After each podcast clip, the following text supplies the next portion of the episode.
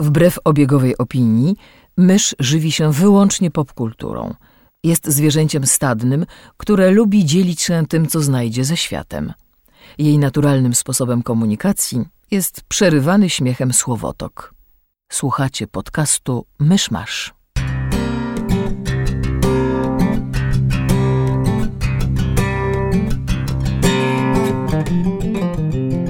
Cześć!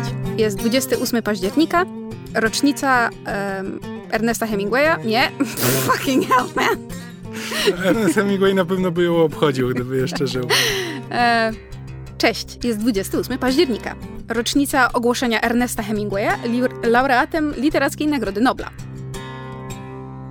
Cześć, to był Mysz, a ze mną przy mikrofonie jest Kamil. Przywitaj się, Kamil. Dobry wieczór. Mysz masz ASMR? Nie, teraz byłem za... O, dobry wieczór. Jak możecie słyszeć, nie ma z nami Krzysztofa, ponieważ e, ja postanowiłam systematycznie mordować wszystkich członków Myszmasza, a potem ich klonować, żeby mieć lepsze e, wersje. Krzysiek właśnie, e, że tak powiem, e, dorasta w jakimś pojemniku gdzieś w naszej piwnicy, póki nie osiągnie, e, że tak powiem, stadium końcowego. Sure. Tak. E, A tak poważnie, Krzysztof ma zobowiązania rodzinne, w związku z tym zamiast tego jest ze mną w studiu Kamil, nareszcie po trzech odcinkach niebycia we własnym podcaście. Aż trzech? Wydawało mi się, że tylko dwóch. Nie, bo najpierw byłam ja i Rafał, potem byłam ja i Krzysiek, a potem byłam ja, Krzysiek i Rafał. Aha, Jak widzicie, ja traktuję ten podcast poważnie. no okej. A, ale w związku z tym, e, że już się tutaj e, zebraliśmy tak tłumnie, to e, Kamil, za karę, że cię nie było, to musisz nam opowiedzieć o czymś, co ostatnio czytałeś albo oglądałeś. Okej. E, Więc ja ostatnio e, zacząłem i skończyłem oglądać Succession, serial produkcji HBO, e, który opowiada o perypetiach rodziny miliarderów. E, Zasadniczo Brian Cox gra w tym serialu e, fikcyjny odpowiednik Ruperta Murdocha, to znaczy jest właścicielem i prezesem, em, znaczy nie, jakby był właścicielem, teraz jest prezesem, bo teraz to jest publiczna spółka, bla, bla, bla. E, w serialu to ma spore znaczenie, to rozróżnienie. E, należy, zajmuje się ogromnym konglomeratem medialnym, e, o, który jest e, też fikcyjnym odpowiednikiem Fox News plus przyległości, znaczy ogólnie jakby Foxa. W każdym razie jest, jest magnatem medialnym i ma czworo, e, czworo dzieci i zasadniczo cały serial jakby opowiada o jakby relacjach pomiędzy nimi, bo jakby ojciec, właśnie Brian Cox jest e, w nie najlepszym, nie najlepszym zdrowiu, ale nie ma zamiaru e, oddawać kontroli nad firmą, którą zbudował, e, a jego dzieci mają jakby różny stopień zainteresowania e, tą firmą i tego, czy jak bardzo chcą, chcą ją przejąć i chcieli, chcieliby ją prowadzić, więc tam cały czas, cały serial to jest po prostu szereg sojuszy pomiędzy różnymi członkami rodziny, którzy próbują osiągnąć różne cele e, w ramach, e, w ramach tej firmy. I to, to jest specyficzny serial. Na pewno nie każdemu podejdzie. To nie jest te, e, to nie jest tak, że nie wiem, mógłbym go polecić, że niezależnie od tego, jak się kto interesuje, nie wiem, em, sytuacją polityczną, czy finansami, to jest serial nie.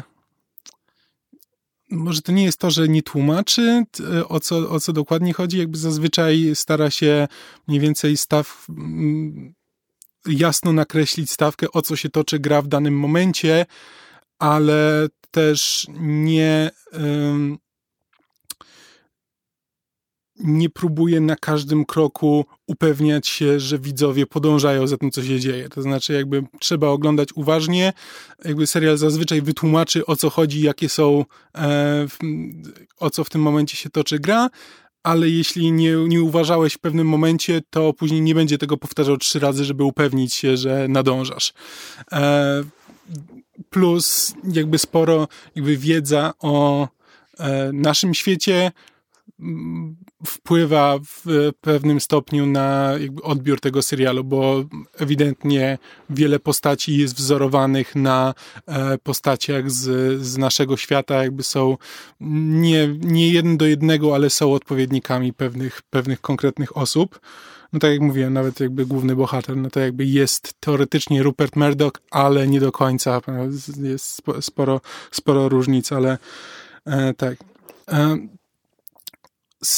serial powstał, e, znaczy stworzył go Adam McKay, chyba nie przekręciłem nazwiska, który, który nakręcił The Big Short i Vice, czyli ten e, film o Dicku Cheneyu. E, I jakby i to widać, bo to jakby widać jakby to zainteresowanie relacją między polityką a finansami jakby nakreślanie tej sytuacji i też to nawet e, myślę, że spokojnie, jeśli ktoś oglądał e, właśnie The Big Short i, e, i Vice, jeśli te dwa filmy mu się podobały, to serial niemal na 100% będzie, będzie mu się też podobał. Jeśli choć jeden z nich mu nie podszedł, to serial może nie podejść, bo ewidentnie jakby łączy, e, łączy te elementy jakby z jednej strony jakby The Big Short, który jest, e, jest o finansach, stara się wytłumaczyć jakby pewne procesy właśnie tej, tych zależności między finansami a polityką i jak się przekładają na społeczeństwo. I to jest też w dużej mierze jakby e, tematyka Succession jakby jest bardzo, bardzo dużo jakby jest pokazywane na temat tego, jak właśnie losy tej jednej rodziny przekładają się na losy jakby całego państwa, całej Ameryki, jakby, że kiedy ma się e, taki tak ogromny wpływ na media, i, w, e, i finanse, ma się też ogromny wpływ na politykę. Jak ma się wpływ na politykę, to ma się wpływ na społeczeństwo. E, i też jak się ma wpływ na społeczeństwo poprzez media, to ma się wpływ na, na politykę, więc to jest po prostu taki szereg, szereg zależności i to jest ładnie, ładnie w serialu pokazane, a z drugiej strony z Weissa jest bardzo dużo właśnie to, w jaki sposób są pokazane postaci i to, że E, Vice był filmem, który absolutnie nie, znaczy nie to, że nie wybielał postaci, tylko wręcz zupełnie nie był tym zainteresowany, chciał ją pokazać w, w, w nie to, że w jak najgorszym świetle, ale, e, ale jakby nie wychodził z założenia, że nie, nie, to jest apolityczny film, będziemy tylko pokazywali wydarzenia, to co się, to, co się wydarzyło, a, e, a widzowie sami sobie, sami sobie wyciągną wnioski, jakby wychodził z pewnej, z pewnych założeń, E, jakby od, od razu było widać, że opowiada o, mm, o ludziach moralnie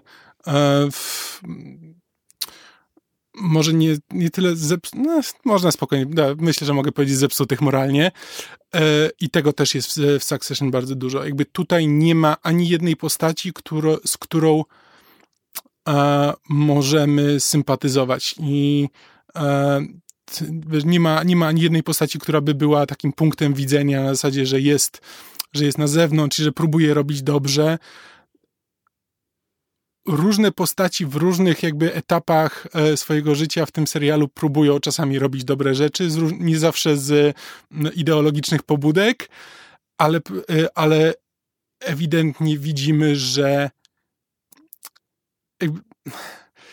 nie da się być e, Dobrym, dobrym miliarderem. Tak, nie da się być moralnym wręcz e, miliarderem, że to po prostu nie idzie, e, nie idzie w parze. Znaczy, że jeśli chcesz e, zrobić coś dobrego, a jednocześnie chcesz utrzymać imperium, to to są dwie rzeczy, które po prostu, których nie da się połączyć.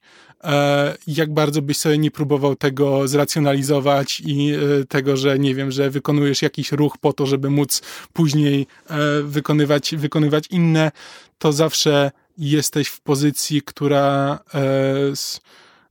szczególnie kiedy właśnie chodzi o rodzinę, kiedy chodzi o rodzinny biznes, zawsze te rodzinne zależności będą, będą na ciebie wpływały, te duże pieniądze zawsze będą korumpowały e, i, e, i po prostu nie ma to nie jest tak, że wszystkie postaci są do szczętu złe. One są, one są bardzo ludzkie. Mają, jakby zawsze widzimy, jakie mają motywacje. Znaczy, mm, zasadniczo są, tak jak mówiłem, jest czwórka rodzeństwa i one reprezentują różne, różne punkty widzenia. E, jest, e, jest Ken, który jest chyba naj, nie, nie najstarszym, drugim, e, drugim chyba synem, który jest takim stereotypowym niemal biznesmenem, a przynajmniej jakby z tego zaczyna. Znaczy po prostu zale- jemu najbardziej zależy na tym, żeby kierować tą firmą jest też prawdopodobnie najbardziej kompetentny z całego rodzeństwa, żeby to robić. Ale też e, jest bardzo mocno e, zależny od swojego ojca E, I ma też, i ma też standardowy problem z narkotykami, to znaczy wciąga kokainę w ilościach, znaczy e, ma, ma, ma, z tym, ma z tym problemy w momencie rozpoczęcia serialu, jakby jest po odwyku, jest jakby trzeźwy, ale to, to nie jest spoiler, jeśli powiem, że to nie, nie będzie trwało do samego końca. Um, z, jest, jest też Roman, który E, który jest grany przez brata Macaleya Colkina. Ale nie tego brata, tylko tego drugiego brata. E, Czekaj, tak. e, Kiran czy Rory? Kiran. Kiran Kalki. Kiran Kalki. E, s, który gra takiego typowego alt-rightowego shitbaga, znaczy to on jest, który jakby jest, do, dokładnie zdaje sobie sprawę z tego, czym, z tego, czym jest, E, ale po prostu sprawia mu to, sprawia mu to radochę. Jest po prostu, lubi, lubuje się w tym, żeby być e, w, w, w rasistowskich żartach, seksistowskich, e, jakby samo sobie mówi w, i to też, to, to, nigdy nie jest taki zupełnie hardkorowy rasizm, ale jakby on sam nawet nie ma żadnych skrupułów, żeby przyznać, że jest rasistą, jakby e, ma ku temu swoje powody, przynajmniej jakby w jego, w jego umyśle. E, i też bardzo mu zależy na tym, żeby kierować tą firmą, ale, ale jest też prawdopodobnie najgorzej do tego e, usposobiony. Jest, e, jest córka, która te, teoretycznie jest w przeciwieństwie do reszty rodziny jest demokratką, nie republikanką i tam nawet jest konsultantką polityczną, w, tam w pewnym momencie angażuje się w kampanię fikcyjnego odpowiednika Berniego Sandersa, znaczy takiego polityka, który, który stara się być przy ludziach i dbać o, e, o tych naj, o najsłabszych w społeczeństwie i tak dalej, i tak dalej. I ona jakby angażuje się w te, w te kampanie i to jest jakby największy ten element tego, co, tego, o czym mówiłem, że jakby na jej przykładzie widać, że niezależnie od tego, jakie masz poglądy i jak dobrze, czego byś nie chciał zrobić, to, e, to jakby uczestnictwo w tego typu, tego typu grach na najwyższym szczeblu zawsze będzie cię stawiało w pozycji, w której e, w której trzeba e, trzeba tę swoją ideologię i skrupuły zostawić gdzieś na boku. To, to jest jedna, jedna z ciekawszych postaci, jakby taka najbardziej najbardziej prawdopodobnie szara, E, ale też wielokrotnie jakby do szczętu, do szczętu zepsuta pod, pod wieloma e, względami. Szczególnie to widać w relacji z jej mężem, który też jest jakby jednym z mm, głównych bohaterów serialu. E, jej mąż też jest takim typowym Lizusem, znaczy, który wrzenił się w, właśnie w tą rodzinę w, i bardzo chce wypracować sobie pozycję w ramach tego, ale też jest takim takim trochę ciapowatym e, e, facetem, który nie, nie bardzo ma e, tę taką krwiożerczość potrzebną do wielkiego biznesu i to też jest wielokrotnie punkt konfliktu. I jakby ostatnim, ostatnim z rodzeństwa jest ten najstarszy syn, który zasadniczo chce być po prostu rancherem i trzyma się, trzyma się na uboczu na swojej wiesz, wielkiej farmie wartej wiesz, pół, miliarda, pół miliarda dolarów z, z dziewczyną, która była prostytutką, e, ale teraz ale chce się, e, chce być producentką teatralną e, i jakby on, on jest w niej bardzo zakochany, ona jakby dosyć wyraźnie w pewnym stopniu pewnie jej, jej, na nim zależy, ale jest w tym dla pieniędzy, jakby to nie, nie jest, to jest, wiesz, to jest taka tajemnica Poliszynela. E, ta, ta, relacja, ta relacja potrafi być, potrafi być momentami ciekawa. I w to wszystko jakby, tak jak mówię, że nie ma postaci, która by była jakby tym dobrym e, w tym wszystkim.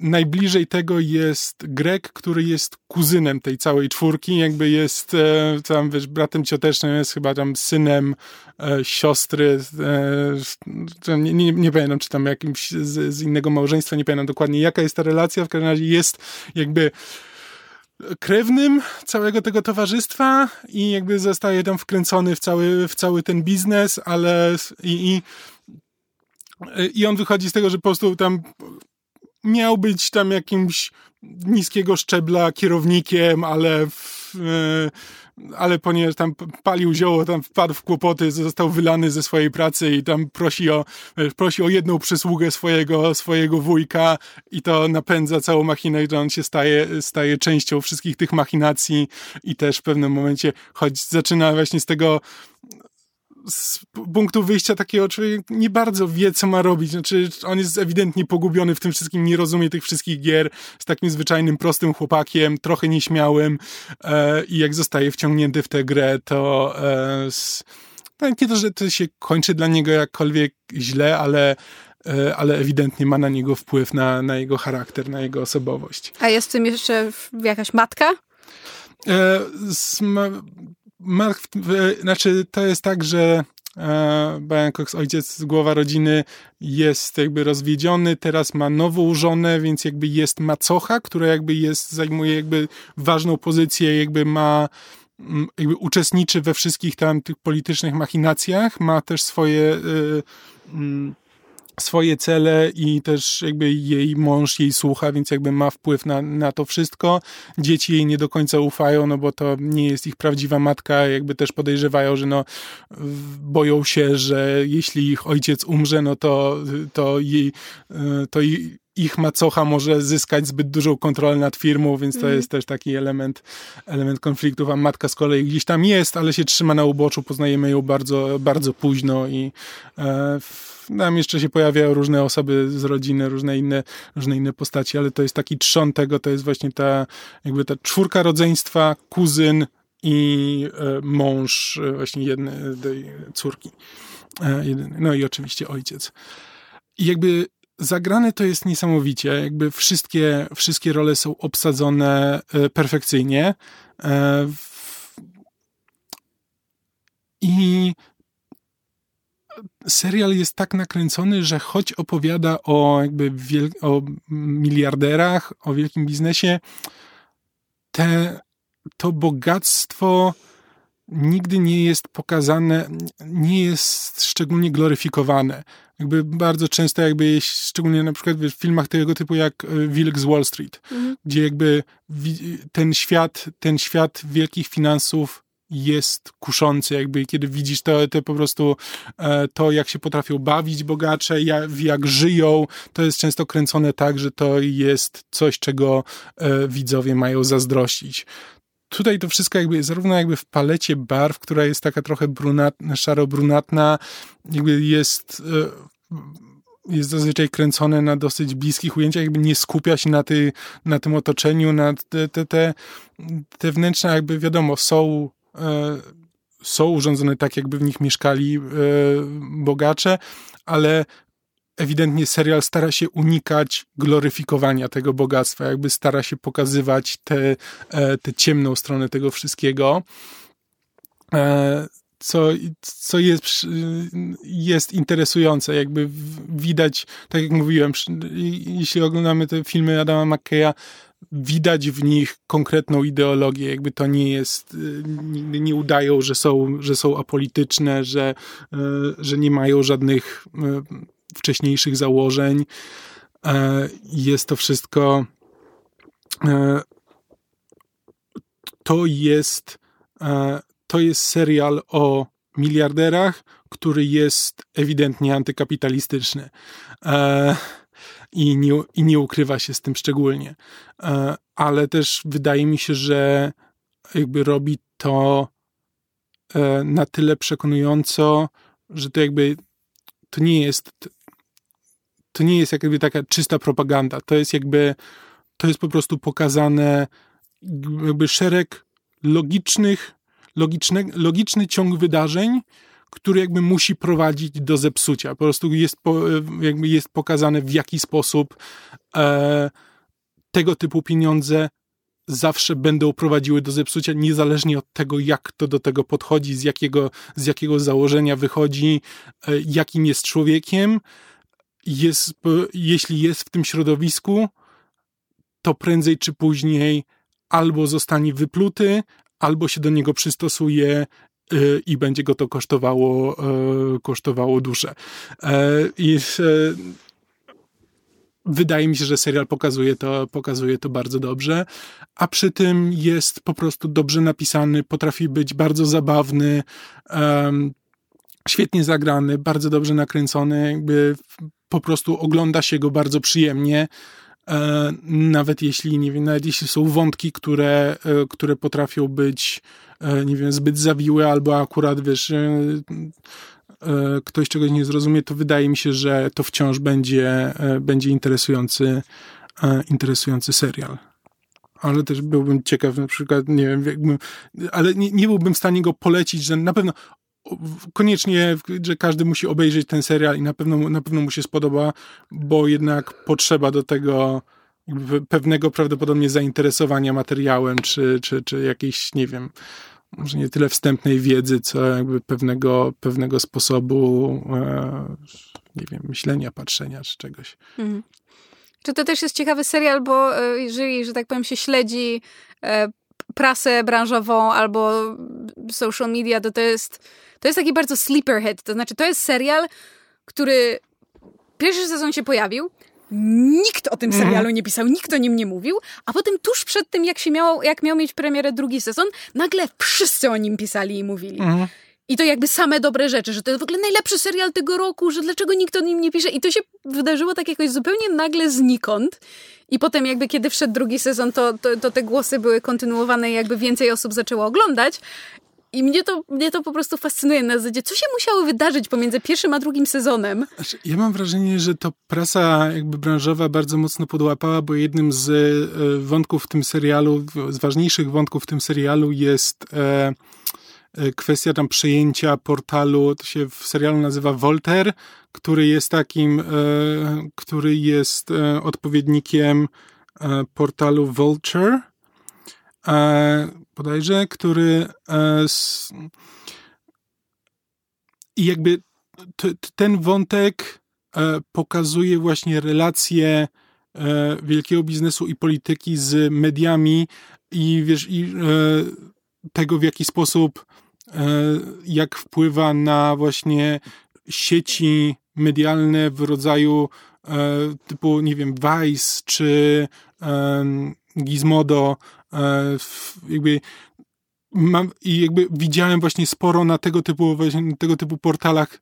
E, jakby pierwszy artykuł, który w ogóle widziałem o tym serialu, to właśnie dotyczył tego wątku na podstawie właśnie tego, w jaki sposób, w jaki sposób były traktowane jakby seria, te, nie seriale, tylko tam port, portale wewnątrz grupy właśnie Gizmodo bodajże, już nie pamiętam dokładnie, dokładnie artykułu, ale właśnie ta relacja tego, w jaki sposób biznesmeni wielokrotnie właśnie przychodzą do tego typu portali, bo chcą, bo mają jakiś tam e, chcą wpłynąć na media, ale nie do końca, ale nie rozumieją na przykład w jaki sposób działają, e, na czym, na czym są zbudowane i na przykład traktują je jako taki e, tak zwane content mills, e, że po prostu, żeby wypuszczać podczas gdy no właśnie rzeczy typu Vice czy Gizmodo jakby starają się budować zaangażowanie, na tym budują dalej swoją markę, co się przekłada na jakby wielokrotnie jak się słucha właśnie ludzi z tego typu y, grup, to jakby praca w, w takim na przykład wajsie, no to polega na tym, że masz parę artykułów, które zajmują się poważnymi problemami, które budują zaangażowanie, budują, budują jakby lojalność wśród czytelników, a oprócz tego jest jeszcze 100 artykułów, które są po prostu takim tam kontentem po to, żeby, żeby nabić, nabić trochę reklam. E, ale jakby te, te zależności pomiędzy właśnie tym, żeby tworzyć dobre dziennikarstwo i opłacalne dziennikarstwo, to jest wieczna walka. E, I jakby jak wchodzi do hmm. tego biznes, to biznes bardzo często jakby nie rozumie, na czym to jest zbudowane i po prostu jakby patrzy na to, co przynosi, co przynosi zyski, i każe się skupiać na tym. E, I, I to też jest, to też jest jakby element tego serialu, też jest coś, co, e, co dosyć mocno, mocno śledziłem, bo ten e, jakby słuchając, słucham podcastu growego w Vice'a i tam bardzo często jakby momentami bardzo szczerze jakby rozmawiają właśnie o tym, jak mhm. wygląda, jak wygląda ich praca, jak wygląda ich codzienna jakby walka o czytelnika i walka z e, wydawcami o to, wiesz, co może pójść jakby o artykuły, które ktoś chce napisać, a które musi napisać mhm. i tego typu rzeczy. To jest, zawsze, to jest zawsze ciekawe i to też jakby w serialu było interesująco pokazane. E, I on jest na Amazon Prime, tak? Nie, nie, to jest HBO. A, HBO. No bo ja miałam taką teorię, że po prostu e, HBO wiedziało, że drugi sezon się zbliża i wiesz, zrobili jakąś taką e, no ukrytą, wiesz, kampanię wśród portali na zasadzie, o, zbliża się drugi sezon, rozpromujcie go i po prostu nagle wszyscy wybuchli pod tytułem, a tak, Succession, zawsze wiedziałem, że było dobre.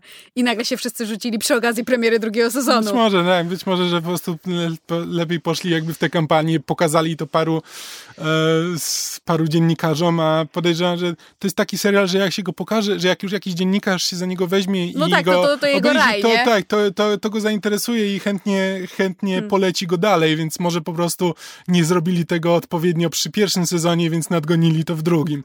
Bardzo możliwe. Ale w każdym razie dostaje twój, twój stempelek. Jak najbardziej, tak. Dobrze. Co o tyle śmieszne, że jakby mówię, że jest stworzony przez Adama McKeya, jednym z, e, oprócz Adama McKeya, jakby producentem wykonawczym jest też Will Ferrell.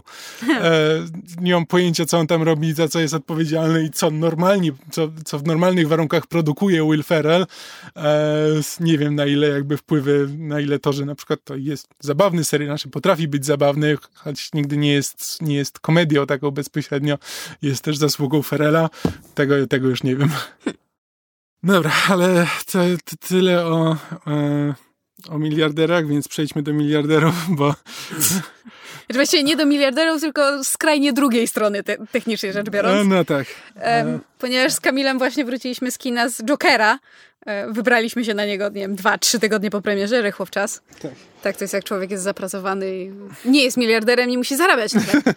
Haha. Ale w końcu się udało. Tak, w końcu się udało.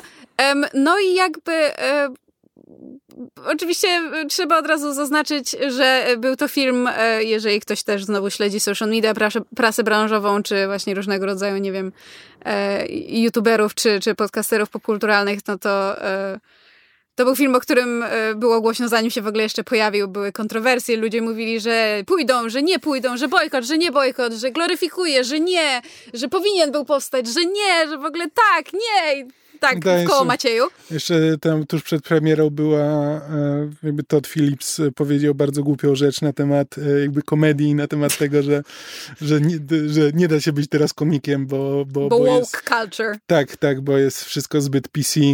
E, zbyt grzeczne, tak. Tak, tak, co jest, co jest totalną, totalną bzdurą, ale... Ale umówmy się, on, on jakby bardzo łatwo jest zobaczyć, dlaczego on tak mówi, dlatego że w ogóle cała ta wypowiedź sprowadza się do tego, że, że dowiedziałem się od bardzo wielu ludzi, że moje filmy dzisiaj e, już nie są tam, nie są dobre, czy nie są, tak. nie są poprawne.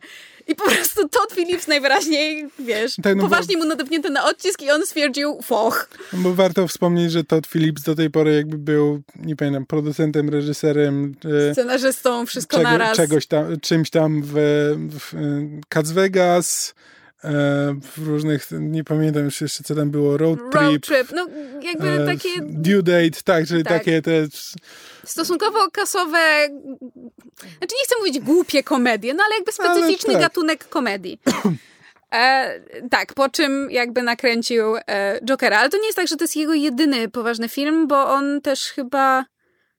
Myśmy próbowali, bo on w końcu wyreżyserował A Star is Born, czy był producentem? Nie doszliśmy producentem do tego. był A Star is Born. No, nie, nie Bradley Cooper reżyserował. E, to, to, nie jest, to nie jest jego jedyny, że tak powiem, poważny film. Mhm. E, natomiast y, widać, że, że nie wiem, czy to rzeczywiście było tak, że, że Todd Phillips po prostu y, spojrzał na e, obecną, że tak powiem, scenę popkulturową i stwierdził, nie chcą moich komedii, dobra, to pokażę im, że jestem e, komiksowym Scorsese. Um, bo jakby inspiracje y, filmami Scorsese przy okazji Jokera są y, mm. dość oczywiste. Czy to było po prostu tak, że, że, że jakby już od dawna miał ten pomysł, to nie była jedna wielka zemsta pod tytułem haha, pokażę im, że po, potrafię być poważnym mm. reżyserem. Um, no ale był, nakręcił y, Jokera z główną rolą Joaquina Phoenixa. No i tak. E, e, może zacznijmy od tego, że będziemy od razu omawiać film spoilerowo, ponieważ tak. minęło od premiery już, już dłuższy czas, a niewiele można powiedzieć jakby o, o fabule tego. Znaczy inaczej, nie bardzo możemy ten film omówić tak, jakbyśmy chcieli, bez wchodzenia w szczegóły fabuły. Mhm. Więc e, jeżeli ktoś filmu nie widział, no to jeszcze ma czas skoczyć do kina.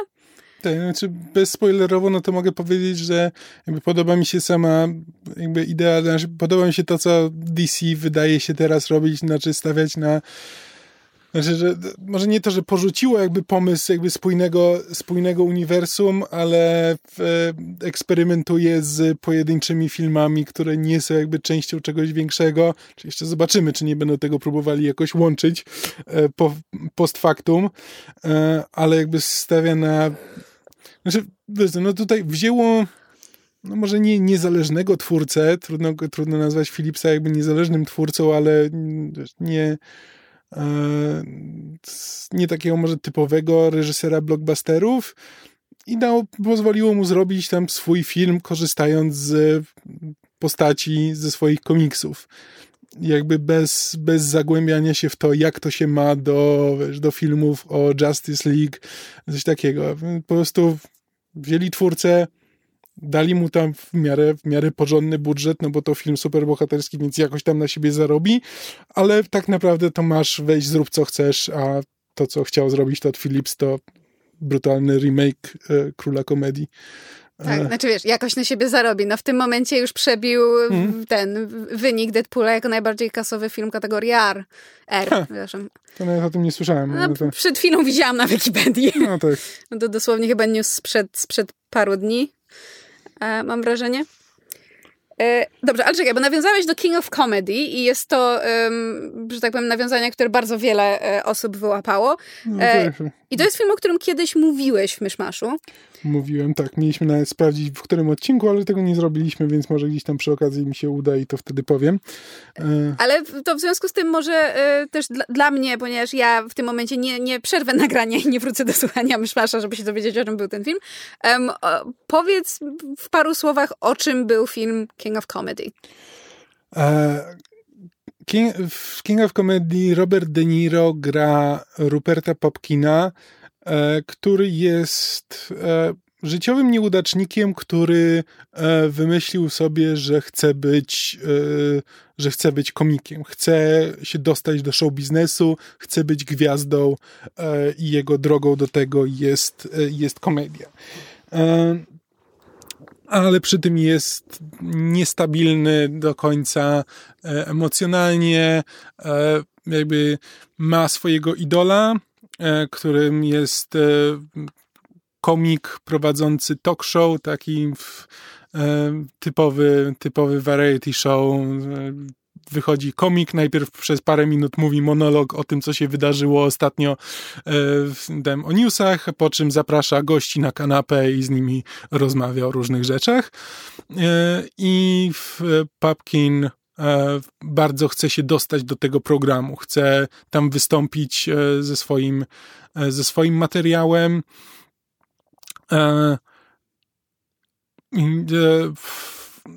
ale ponieważ, e, ponieważ też tak jak, tak jak i Joker jest, jest niestabilny emocjonalnie, jakby nie podchodzi do tego e, znaczy nie wiem na ile mogę spoilować film sprzed, nie wiem, 30 lat, czy, e, czy, czy nawet więcej. Nie podchodzi e, do tego zdroworozsądkowo. Nie podchodzi do tego zdroworozsądkowo. No jeśli porównujemy go do Jokera i jakby jest bardzo blisko Jokera, no to wiadomo, że to się, to, to się kończy nie najlepiej. I to jest film jakby o trochę o um, parasocial relationship, znaczy o takim podejściu, e, kiedy ktoś, komuś się wydaje, że celebryta, który jest jego idolem, znaczy, że oglądając go, nie wiem, w telewizji, czy na YouTubie, czy jakkolwiek obcując z tym, co tworzy, wydaje mu się, że zna człowieka, który za tym stoi. E, i że mają jakąś relację. Tak, że mają jakąś relację. I to jest jakby, to jest film bardzo mocno o tym, że jakby e, Papkin jest człowiekiem, któremu jakby wydaje, który jakby wydaje mu się, że gdyby tylko miał tę okazję, żeby, po, żeby się spotkać z tym swoim idolem, to na, te, na pewno natychmiast ten idol by rozpoznał w nim e, geniusz i bratnią duszę i na pewno by byli e, przyjaciółmi. Um, i to, to, jest, to jest film bardzo mocno o, o mediach, o relacji właśnie mediów z, ze społeczeństwem. E, I Joker jakby bierze to trochę za punkt wyjścia, idzie w tym w trochę inną stronę, jakby podchodzi do tego trochę inaczej, ale to jest ten sam schemat. E, jakby w Jokerze Joaquin Phoenix gra e, też życiowego nieudacznika, nie ze swojej winy do końca, no bo jest, ma zaburzenia psychiczne, jakby w momencie, kiedy go poznajemy, to wiemy, że ma za sobą e, pobyt w chyba nie w Arkham, ale w, w szpitalu psychiatrycznym. Jest na e, lekach. Tak, jest, jest na lekach. E, ponieważ to jest Joker, to jednym z jego zaburzeń jest to, że czasami się zaczyna śmiać bez, e, bez żadnego konkretnego powodu, szczególnie jakby w sytuacjach emocjonalnych. Mm, tak, w, w wypadku stresu jest, jest reakcja tak jak Tourette. Tak, że po prostu, po prostu wybucha śmiechem. I to, to często powoduje różne problemy w jego życiu. Um, I też mieszka samotnie z matką, um, którą musi się zajmować, która też ma problemy, problemy psychiczne i problemy zdrowotne. Pracuje jako clown, co nie jest może jakoś bardzo, że tak powiem, e, wysoką e, zarobkową pracą. E, I na dodatek mieszka w Gotham, w mieście, które przeżywa obecnie ciężki okres, jest strajk e, śmieciarzy, w związku z tym całe miasto tonie w śmieciach, w związku z czym nastroje są mhm. um, bardzo, że tak powiem, um, napięte. E, gdzieś w tle się też toczą e, jakby rozmowy, znaczy toczy się wybór nowego burmistrza miasta, więc jakby jest też zahaczenie o sfery polityczne, ponieważ to Gotham, w związku z tym w tle właśnie pojawia się Thomas Wayne, miliarder, który startuje właśnie w wyborach mm. na, na burmistrza, więc znaczy, to jest tak, jakby wszystko to, tło tego wszystkiego. Tak, i też warto powiedzieć, że to się znaczy, nie jestem pewien, jaka to jest dokładnie epoka, szczególnie, że no to jest Gotham, więc jakby trudno to. E, film chyba nigdy nie podaje dokładnie roku, w którym się dzieje, ale to są takie lata 60., może 70., bym powiedział. Ja bym powiedziała 70., 80. No nieważne. Film jest zawieszony w, w, w, znaczy w, czasie w niejasnym miejscu i jest to specjalny zabieg, to znaczy mhm. nawet to, jak są wystylizowane e, napisy początkowe i końcowe, jakby. Znaczy, tak, to rzeczywiście kostiumy. to może być po prostu kwestia, kwestia jakby estetyki, bo jakby go tam e, właśnie szczególnie jakby w Batman Animated Series, jak, jak przedstawiało, to właśnie było to Gotham, które jest teoretycznie współczesnym miastem, ale trochę właśnie zawieszanym w latach 60. i to jest Art taki... Deco i tak dalej. Tak, tak. Tutaj, tutaj nie jest to aż tak mocno wystylizowane, to znaczy um, Todd Phillips nie, nie poszedł w takim kierunku moim zdaniem jak Nolan, no bo jednak Nolan kręcił w Nowym Jorku, ale poprzez to jak kręcił... Ale nie tylko. Znaczy nie tylko, ale jakby Boston tam chyba też mocno grał. W, tak? No w każdym razie jakby Nolan, Nolan używał miast, w których kręcił w taki sposób, że jakby zbudował z tego Gotham. Mhm. Swoje Gotham. Natomiast Todd Phillips nie robi nic, żeby ten Nowy Jork ubrać w jakiekolwiek, że tak powiem, ciuchy. Po prostu na niektórych budynkach jest na przykład tam, nie wiem, Bank Gotham albo, nie wiem, hmm apteka w Gotham albo coś. No w każdym razie po prostu przyklejone są napisy albo jest wspomniane w dialogu, że hej, to jest Gotham, ale nic tego wizualnie nie jakby nie, nie podkreśla, nie nadaje tego takiego nie wiem, tonu czy stylistyki. A, Chicago było, Chicago A. było bardzo mocno unalane, w, udawało no dobrze, jakieś miasto w Stanach pełne wieżowców. No w każdym razie... w, Dark, w Dark Knight Rises był Pittsburgh, Los Angeles i Nowy Jork. Dobrze, no. W każdym razie to, do czego dążę i co już powiedziałam, jest to, że y, jakby Nolan stylistycznie to swoje Gotham jakoś, e, że tak powiem, nakreślił w sposób, który sprawiało, że rzeczywiście czuło się bardziej, że to jest Gotham. Mm. U Philipsa tego nie ma. I mam wrażenie, że to jest jakby jeden z wielu przykładów na to, że Todd Phillips jest zręcznym reżyserem. W sensie, to Joker jest dobrze nakręconym, zrealizowanym filmem. Ten film jest mhm. ładny, ma, ma kilka naprawdę fajnych, interesujących ujęć, gdzie kamera jest na przykład blisko bohatera, jest, są ujęcia znaczy, z dołu, mhm. ale to wszystko już było. Znaczy, I to wszystko jest mhm. takie na graniczu kalki. W sensie jakby widzę, że reżyser, widzę skąd reżyser czerpie i szanuję to, mhm. ale w tym nie czuć zbyt wiele jakby oryginalności. Mhm. Znaczy w ogóle mam wrażenie, że jakby Philips jest bardzo jakby wizualnie interesującym reżyserem i to jakby nie mam na myśli nawet jakby samych zdjęć, to nie to, że bo są tacy reżyserzy, nie typu Michael Bay, którzy są świetnymi operatorami, ale kiepskimi reżyserami, a jakby Philips, jakby to nie tylko to, że zdjęcia są ładne, ale jakby umie opowiadać historię obrazami, mhm. E, ale trochę jakby wątpię w jego umiejętność, jakby, znaczy w, je, w koherentność jakby jego wizji, w to, że, w to, że ma e, w to, że wie dokładnie, co próbuje przekazać. Znaczy, to, to, co próbuje pokazać, jest bardzo jasne, jakby w samym, w samym operowaniu obrazem, jakby robi to bardzo dobrze. Po prostu mam czasami wątpliwość w to, czy on dokładnie, y, sam dokładnie wie, co próbuje pokazać, albo czy, czy ta wizja jest na tyle ciekawa, że, e, że, że trzeba było to pokazać w taki, a nie inny sposób, ale tak, ale wydaje mi się, że po prostu samo opowiadanie historii obrazami jest jego mocną stroną. Pytanie tylko, czy, czy opowiadanie historii jest jego mocną stroną. Tak, bo ym, właśnie nawiązania do filmów Scorsese, elementy zaczerpnięte z King of Comedy, jakby bardzo wiele też ym, powiedzmy motywów czy tematów zaczerpnięte z e, taksówkarza, taxi driver. Mhm. Jakby to wszystko widać. Sam fakt, że w, do jednej z głównych ról tego właśnie jakby um, talk show hosta, e, do którego e, nasz Joker, czyli Arthur Fleck, postać grana przez Joaquina Phoenixa, do której jakby aspiruje, którą uważa za idola. Tę postać gra Robert De Niro. Jakby to mm. obsadzenie go w tej roli to nie jest przypadek. Tak, tak. Więc jakby Todd Phillips nie jest bardzo subtelny e, w tym, co robi. Jakby jedną z jedną z ostatnich linijek dialogu, którą e, Arthur slash już na tamtym etapie Joker mówi e, niemalże prosto do kamery jest ja jestem, ja jestem jakby efektem tego gdy weźmiesz osobę niezrównoważoną czy chorą psychicznie i wrzucisz ją do społeczeństwa, które e, jej nie akceptuje, wyśmiewa mm. i, i bije i poniża.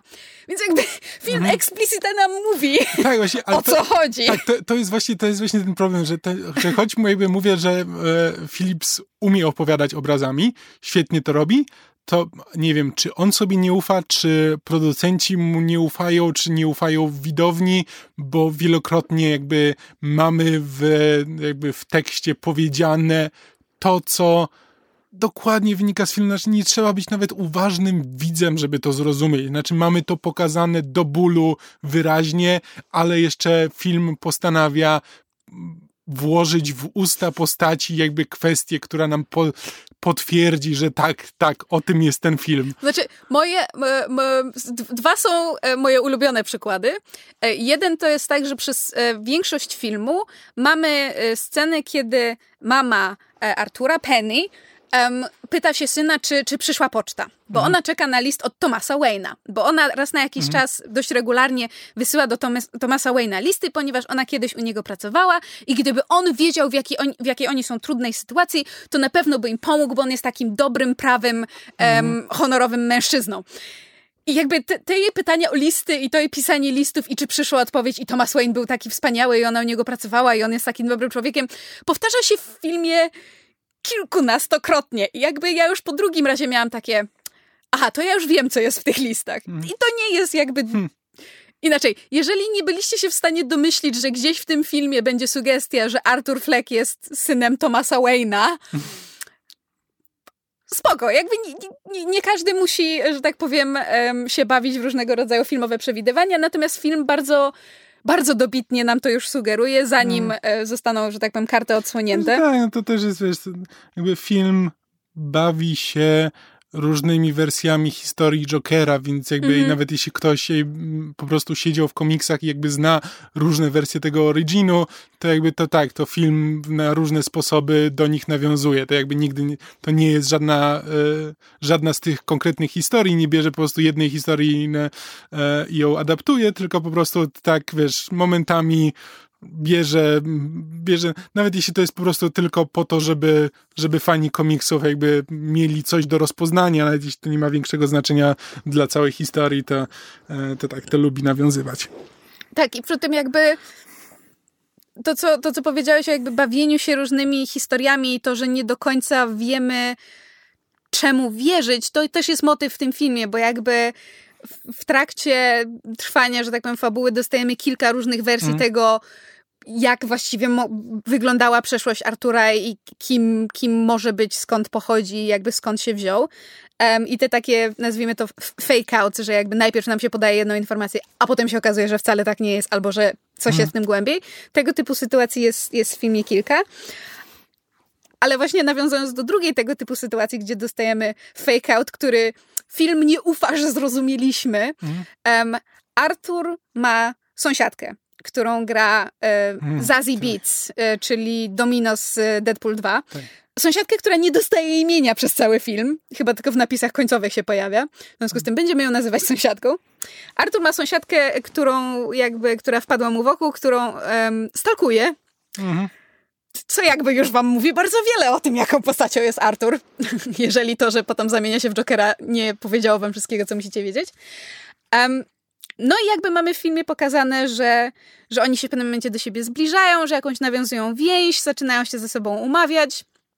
Ona go wspiera, a potem się okazuje, że to wszystko były jego urojenia. Mhm. I jest scena, kiedy on wchodzi do jej mieszkania, jak do siebie, i siada na kanapie, po czym ona wychodzi z, z pokoju, w którym usypiała swoją córeczkę i, się, i, i jest przerażona. I się pyta, to ty jesteś Artur ten Artur z, z korytarza chyba pomyliłeś mieszkania. I jakby film na tym nie kończy. Film potem nam pokazuje wszystkie te sceny, w których tak, widzieliśmy potem, tę sąsiadkę z robi, Arturem. Tak, potem robi montaż z Fight Clubu. Po prostu tak. na zasadzie te sceny, w których oni byli razem, teraz mamy je pokazane, kiedy jest tam tylko Artur. Bo, w, e... bo nie zrozumielibyśmy, no. Znaczy, tak, znaczy, to jest w ogóle jakby motyw, który jakby od samego początku, znaczy moment, w którym e, ta sąsiadka jakby przychodzi do Artura e, i mówi mu, ej, ty mnie, ty mnie śledziłeś, prawda? I on mówi, no tak. A, no fajnie.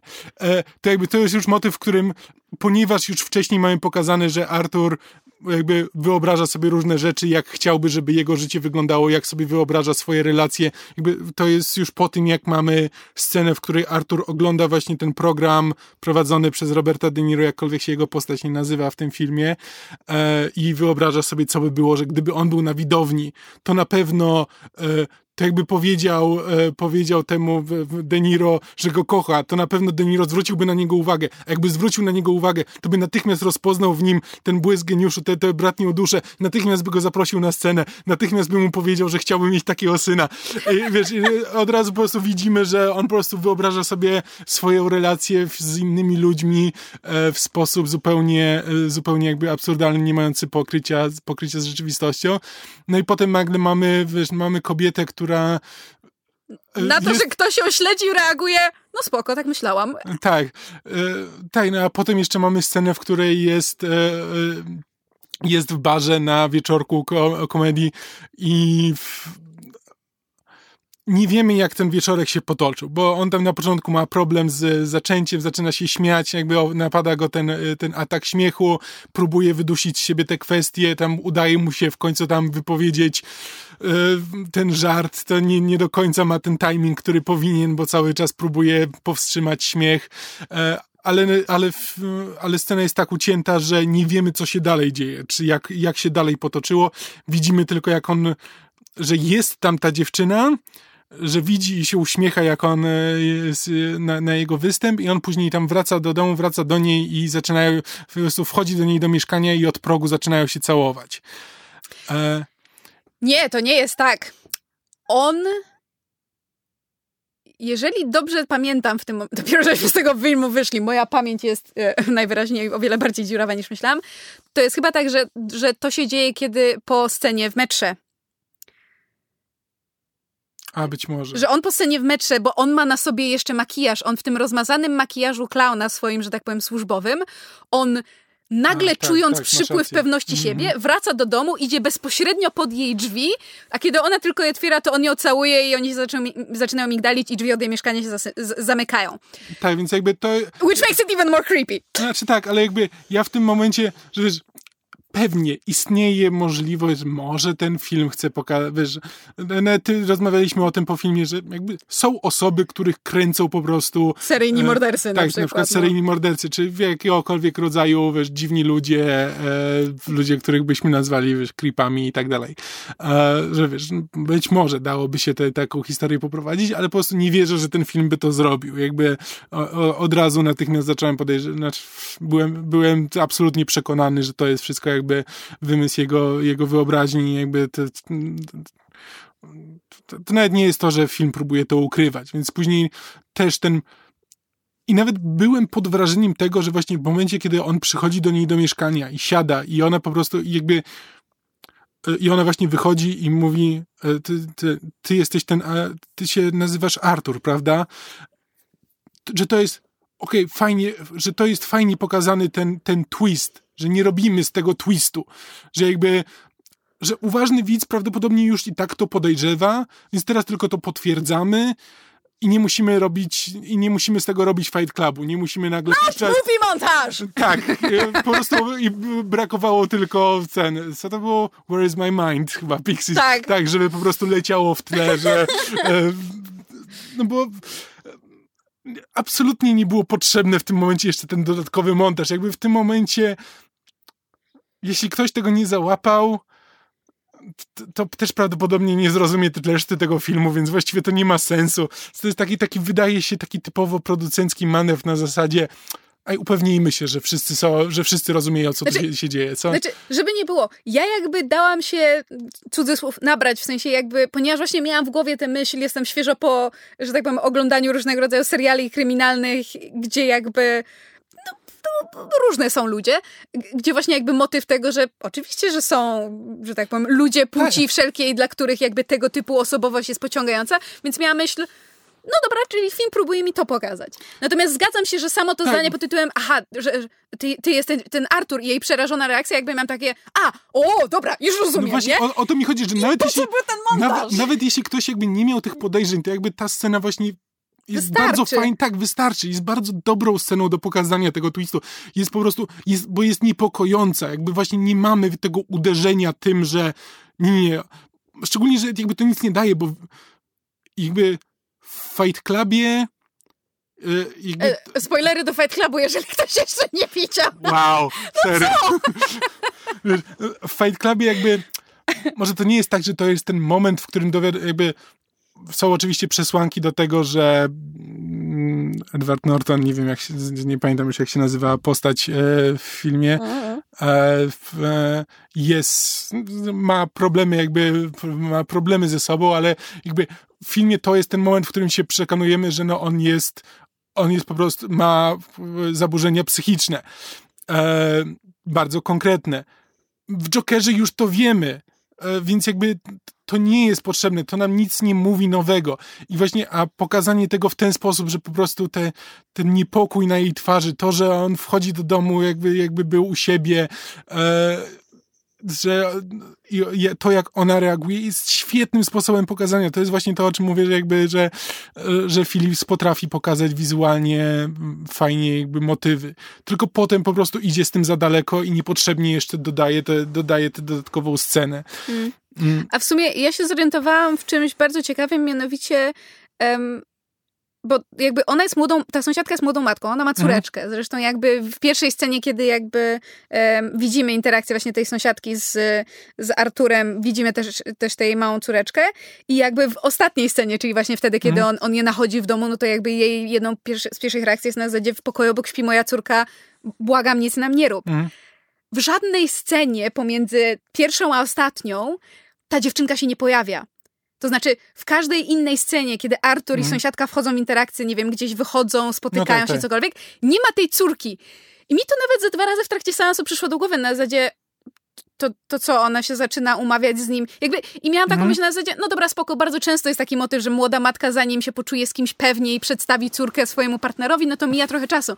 Ale miałam taką myśl na zasadzie, no dobra, a gdzie w tym wszystkim jest to dziecko? Mm. No nigdzie, bo jej tam nie ma i Nigdzie, bo- sąsiadki też nie ma. Tak, bo jakby w- Artur, Arturowi jakby nie zależy na tym dziecku. On Tak. sobie wymyślił po prostu wersję tej sąsiadki, z którą chciałby być i to jest w jej głowie. Jakby w jego wizji nie ma dziecka. E, jest tylko on i ona. Mm. No. E, Więc tak, e, no film jest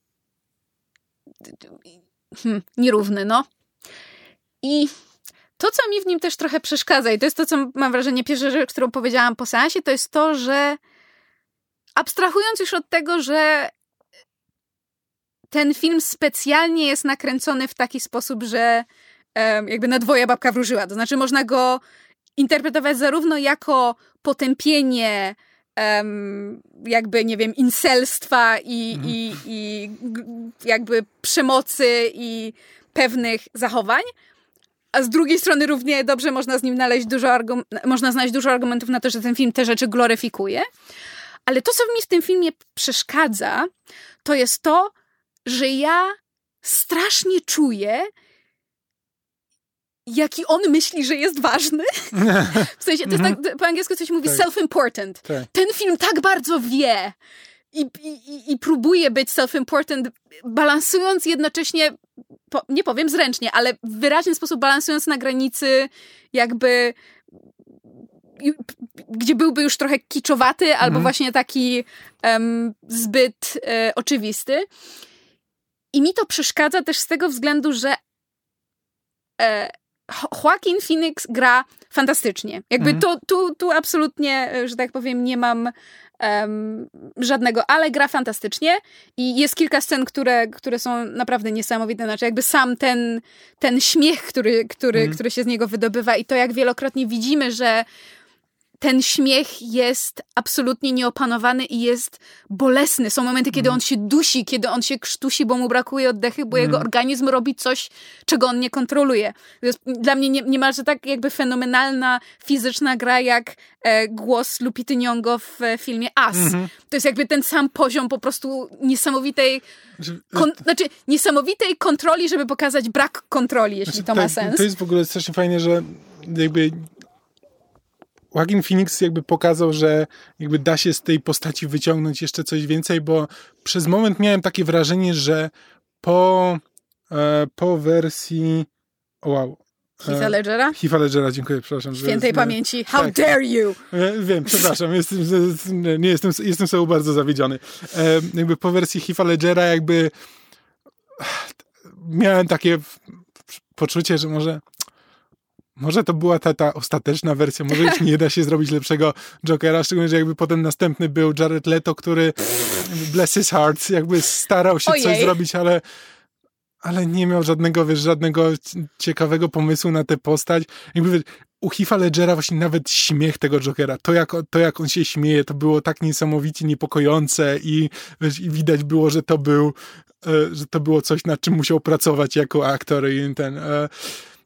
E, i już przez moment miałem takie wrażenie, no, no tak, no Heath Ledger wykonał tak dobrą robotę, że i tak nikt mu nie dorówna, więc może, może już trzeba tę postać zostawić gdzieś na boku, bo e, no bo mamy, Marka, mamy Marka Hamila z jednej strony, mamy Heath'a Ledgera z drugiej strony. Jeszcze jest E, Jack Nicholson po drodze. Tak, Jack Nicholson, który no, jest dobry, ale jakby był świetny, kiedy był jakby kiedy był tym, no, nie, nie chcę powiedzieć pierwszym Jokerem, ale no jakby s-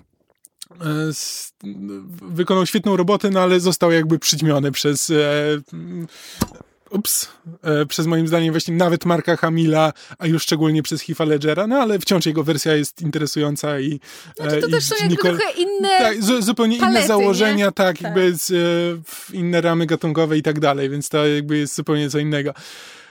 E, I Joaquin Phoenix jednak pokazał, że jakby da się, da się z tą postacią, da się ją pokazać na jeszcze inny sposób, da się z nią zrobić dużo ciekawych rzeczy, nawet jeśli jakby wychodzimy z tego samego, jakby Joker, wiadomo, Joker jest, jest szalony i się śmieje i ma zielone włosy i to, wiesz, to zawsze musi być w każdej wersji praktycznie, e, ale da się to zrobić jeszcze na wiele różnych sposobów, więc jakby to nawet nie jest to, że jakby że Joaquin Phoenix pokazał mi, że jest jeszcze jeden sposób zrobienia Jokera, e, tylko przekonał mnie, że prawdopodobnie jeszcze z tej postaci można wiele wyciągnąć, czego jeszcze nie widzieliśmy. Znaczy to jest, y, umówmy się, to jest jakby on wykonał ogrom pracy, ale jakby scenariusz y, Tutaj możemy sobie krytykować Toda Phillipsa za, za dużo różnych rzeczy, ale jakby on wspólnie z.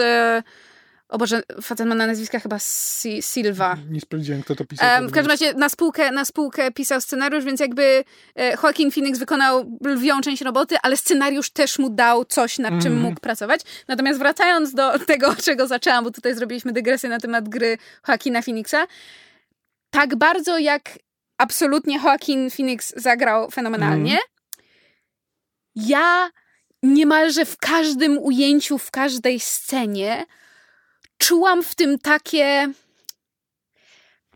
nie chcę brzydko powiedzieć wyrachowanie, Mhm. ale po angielsku bym powiedziała he's angling for an Oscar. Jakby ja to czuję.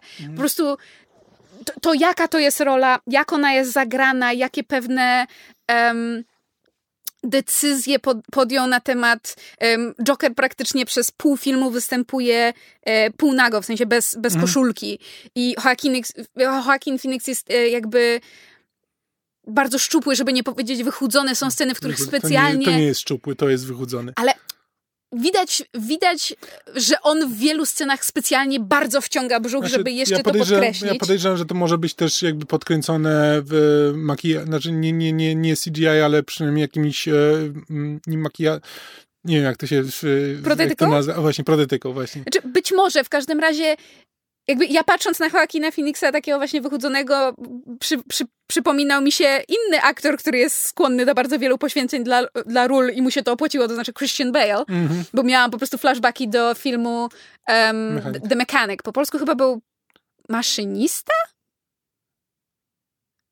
Nie pamiętam. W każdym razie wszyscy wiedzą, to jest ten film, do którego schód niemalże do bycia kościotrupem. I patrząc na Joaquina Phoenixa miałam właśnie takie em, bardzo podobne echa, pewne, pewne jakby ruchy, które wykonywał dość egzaltowane, jakby to wszystko pasowało do roli i pasowało do tego, co próbował pokazać, ale jakby wydaje mi się, że ten film powstał i odniósł taki sukces, jaki odniósł zarówno krytyczny, jak i finansowy, właśnie ze względu na Joaquina Phoenixa. To znaczy, gdyby obsadzono w tej roli jak w tym momencie, wydaje mi się, jakiegokolwiek innego aktora, to nie, nie dostalibyśmy tego, co dostaliśmy Nie, ostatecznie. absolutnie nie. Znaczy jest, jest wersja, e, nie, to się mechanik nazywało. A, E, Jest wersja, jest wersja jakby Jokera, jest wersja tego filmu, w który mm, gorszy aktor próbował zrobić to, co, to, co Joaquin Phoenix, albo, albo wiesz, na przykład, w którym Jared Leto próbował to zagrać. E. I wiesz, i po prostu przeżył wszystko, e, wszystkie ściany dookoła, a i po prostu nie dało się tego oglądać, bo, bo bardzo łatwo jest jakby, właśnie to jest, no, Joaquin Phoenix jakby idzie y, znaczy, dos, znaczy nie dosłownie po bandzie, ale jakby ale jest po prostu na samej granicy tego, co by było już nie do zniesienia. Znaczy, że które, by, które by było tak pretensjonalne, znaczy tej kreacji, która by była tak pretensjonalna, tak przesadzona, że, że nie da się tego oglądać. ale właśnie Ale, ale jemu się jakby i on tak i robi to pe- pewnie, pewnie w jakiś tam wyrachowany sposób. Znaczy, E. może inaczej, to nie jest to, że to jest wyrachowane, ale jakby. Teraz mi przyszło do głowy takie porównanie, bo jakby Mhm. tu mówimy o tym, że on bardzo zręcznie balansuje na tej granicy, jakby Mhm. nie, nie zbacza w stronę tego, że to jest nieznośne albo kiczowate. I to wymaga kunsztu. I mój, może nie problem, bo to nie jest mankament, ale jakby ja to bardzo wyczułam. Ja ten kunszt widziałam. Ja widziałam ten nie wysiłek, ale tę zręczność, która była do tego potrzebna.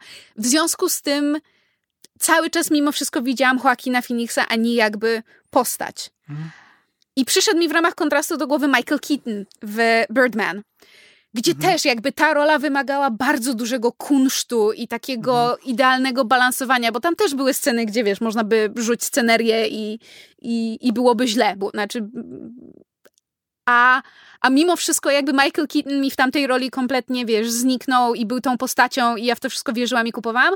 A tutaj w Jokerze mimo wszystko to był cały czas Joaquin Phoenix, który jakby rzeczywiście jest, jest fantastycznym aktorem. To nie jest pierwszy film, w którym jestem jakby pod ogromnym wrażeniem tego, mm. tego co on robi. I tak naprawdę moim ulubionym i ludzie się będą ze mnie śmiali, ale moim ulubionym fragmentem filmu jest ta scena, z której od, nie wiem, tygodnia cały mój Twitter feed się śmieje, czyli ta właśnie ta, ta już słynna scena, kiedy on już w full make-upie, w full kostiumie tańczy na schodach, mm. które też wielokrotnie się tam w filmie przewijają, bo on, on musi po nich wejść, żeby dojść do domu. Bo w tej scenie po raz pierwszy zniknął mi Phoenix, a pojawił się Joker. I nie mówię Joker ten jakby, nie wiem, kinowy, czy, czy, czy mhm. Idea, prawda, taka, taka popkulturowa, tylko ta postać z tego filmu, ten, ten, ten Arthur, ten Joker. I, i kurczę, i trochę mi smutno, że to jest jedyny moment, kiedy ja miałam takie, o, kupuję to mhm. w pełni, bez żadnego zastrzeżenia. No i, i kurczę, nie wiem, co o tym myśleć. Znaczy, dla mnie po prostu to, że e, znaczy, mam mam do tego filmu trochę zastrzeżeń, e, do których tam przejdę później. One są e, dosyć mocno ideologiczne. I tutaj, e, znaczy, rzeczywiście, jakby moment, w którym widzimy Jokera jako taką, jako tę charyzmatyczną postać, która, która wykorzystuje przemoc do swoich celów, które nie są jasne, które jakby, ale, e, ale widzimy po prostu, widzimy tę charyzmę, widzimy tę, e, tę siłę, tę moc, która, e, która sprawia, że jakby ta, ta postać tak mocno jest zakorzeniona w, w popkulturze jakby od, od tylu lat.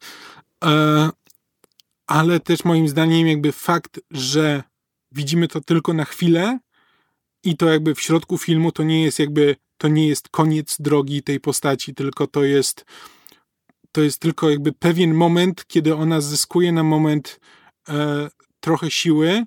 To jakby narodziny, e, to jest moment zyskania świadomości w pewnym sensie, nie? Trochę tak, znaczy to jest po prostu ten moment, w którym ona, w którym jakby Artur staje się e, staje się pewny siebie, jakby odnajduje właśnie nie chcę, nie chcę Radość? używać nie, nawet nie radość, znaczy nie chcę używać jakby też pojęcia, że siłę jakąś w sobie, bo to jakby cały ten film polega na tym, że jakby ta on się, on się czuje bezsilny wobec tego społeczeństwa, ale też siła, którą zyskuje, jakby wynika z e, bardzo toksycznych impulsów. Znaczy, to jest jakby siła, którą ci daje przemoc wobec innych.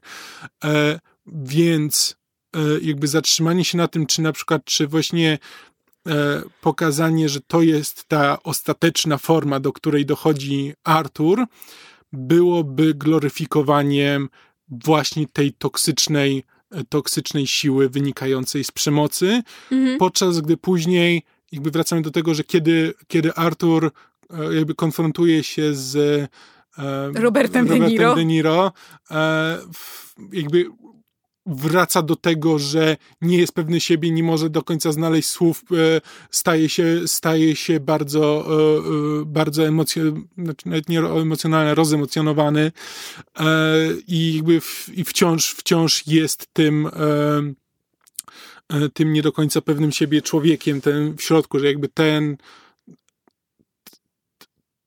ten moment, w którym on zyskuje tę siłę jest jest chwilowy, jest przelotny, to nie jest coś, co go zmienia, jakby e, zmienia go na stałe. to, co go prawdopodobnie później jakby zmieni na stałe, to jest to, że jakby podchwytują to inni i inni zaczynają to gloryfikować i to dalej go utwierdza w tym, on zyskuje dalej e, dalszą siłę z tego, że, e, że e, ta jego, to jego użycie przemocy e, wyniosło go w oczach innych. Znaczy, bo, ale jakby też warto zaznaczyć, że to się zaczyna wcześniej, ponieważ jakby scena tańca na schodach już full make-up, full costume mhm. jest pod, no, pod koniec filmu, może nie pod sam koniec, ale pod koniec. Natomiast to nie jest, wcześniej już dochodzi do przemocy. Artur um, morduje trzech, e, że tak powiem, japi biznesmenów, którzy go napadają w metrze, bo, bo, bo się śmiał. Um, i jakby ucieka z miejsca, z miejsca zbrodni i policja przez dłuższy czas go szuka, ale jakby widzimy, że to, ten pierwszy poważny akt przemocy już zaczyna nakręcać właśnie tę medialną, społeczną machinę, która powoli zaczyna tę quote unquote siłę czy osobowość, aspekt Artura budzić i jakby pokazywać mu, bo po prostu mhm. jakby odniosłam wrażenie, że tak jak to sformułowałeś, można odnieść wrażenie, że to się dzieje nie, dopiero od momentu, nie, kiedy nie, to, konfrontuje się z Robertem jest, De Niro. To jest, to jest powolny jest, Tak, tak, tak, proces. bo to jest jakby, to jest ten proces, w którym jakby jakby zaczynamy od tego, że on się czuje bezsilny. E, jakby jest e, broń i przemoc daje mu poczucie chwi- e, siły na, na moment. Znaczy ten moment w metrze, kiedy on, e, e, kiedy on e, zastrzeliwuje, się mówi po polsku? Być może. morduje, no. Morduje, tak, najpierw dwóch ludzi, potem zaczyna ścigać tego trzeciego, jakby ewidentnie w przypływie jakby takiej właśnie toksycznej męskości. Na zasadzie ja wam teraz pokażę, to jest jakby mam broń, jestem silniejszy od was i nagle czuję, y, czuję tę siłę, którą czuje ktoś z pistoletem. A puentą tej toksycznej męskości jest to, że wraca do domu i natychmiast idzie do swojej sąsiadki i tak. uprawia z nią, znaczy domyślnie uprawia z nią seks.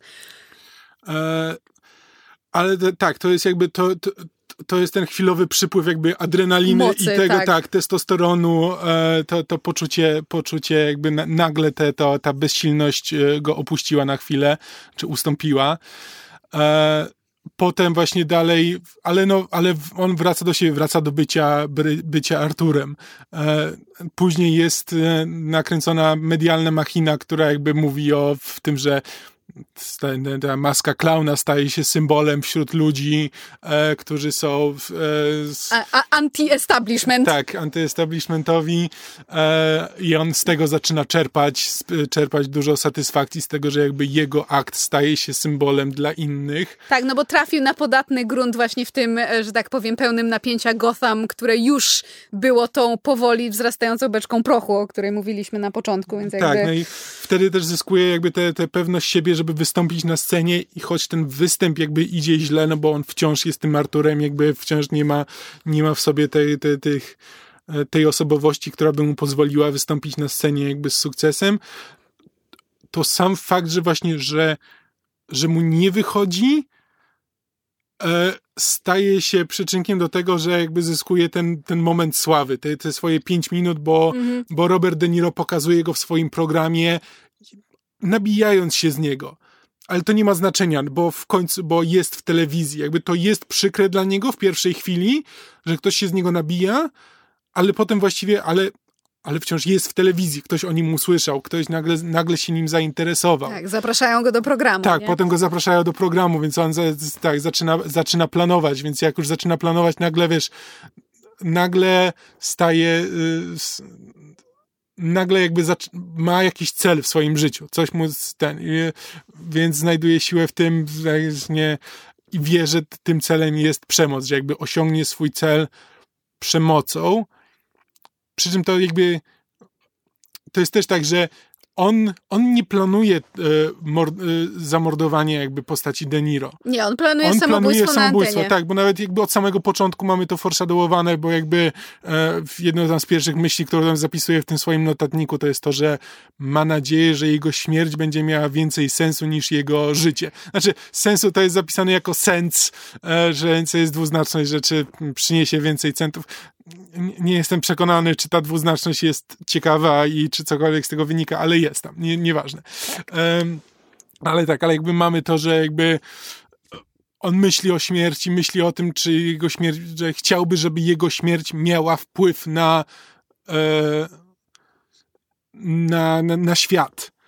Bo w, i to jest częsty motyw jakby wśród ludzi jakby z myślami samobójczymi, no to właśnie bardzo często jakby próby samobójcze są próbą zwrócenia uwagi. Jeśli ktoś czuje się niedoceniony przez świat, jakby właśnie próba samobójcza staje się tym wołaniem o pomoc na zasadzie, żeby ktoś mnie zauważył, że przynajmniej ten moment, ten moment śmierci staje się momentem, w którym, w którym ludziom na tobie zależy. I to jest, e, to jest coś, z czym, z czym pogrywa ten film ten film jest niebezpieczny. E, Właśnie że... chciałam, chciałam, bo tak zaczę zacząłeś mówić i ja chciałam powiedzieć, jeżeli którykolwiek a, albo którakolwiek z naszych, e, jeżeli ktokolwiek z naszych słuchaczy, e, że tak powiem, ma spadki nastroju, ma czarne myśli, y, myśli samobójcze, to y, bardzo proszę, y, że tak powiem, są, że tak powiem, miejsca, z których można skorzystać. Jest niebieska linia, są różnego rodzaju środki pomocy. Jeżeli, że tak powiem, jest wam smutno, jest wam źle, to bardzo prosimy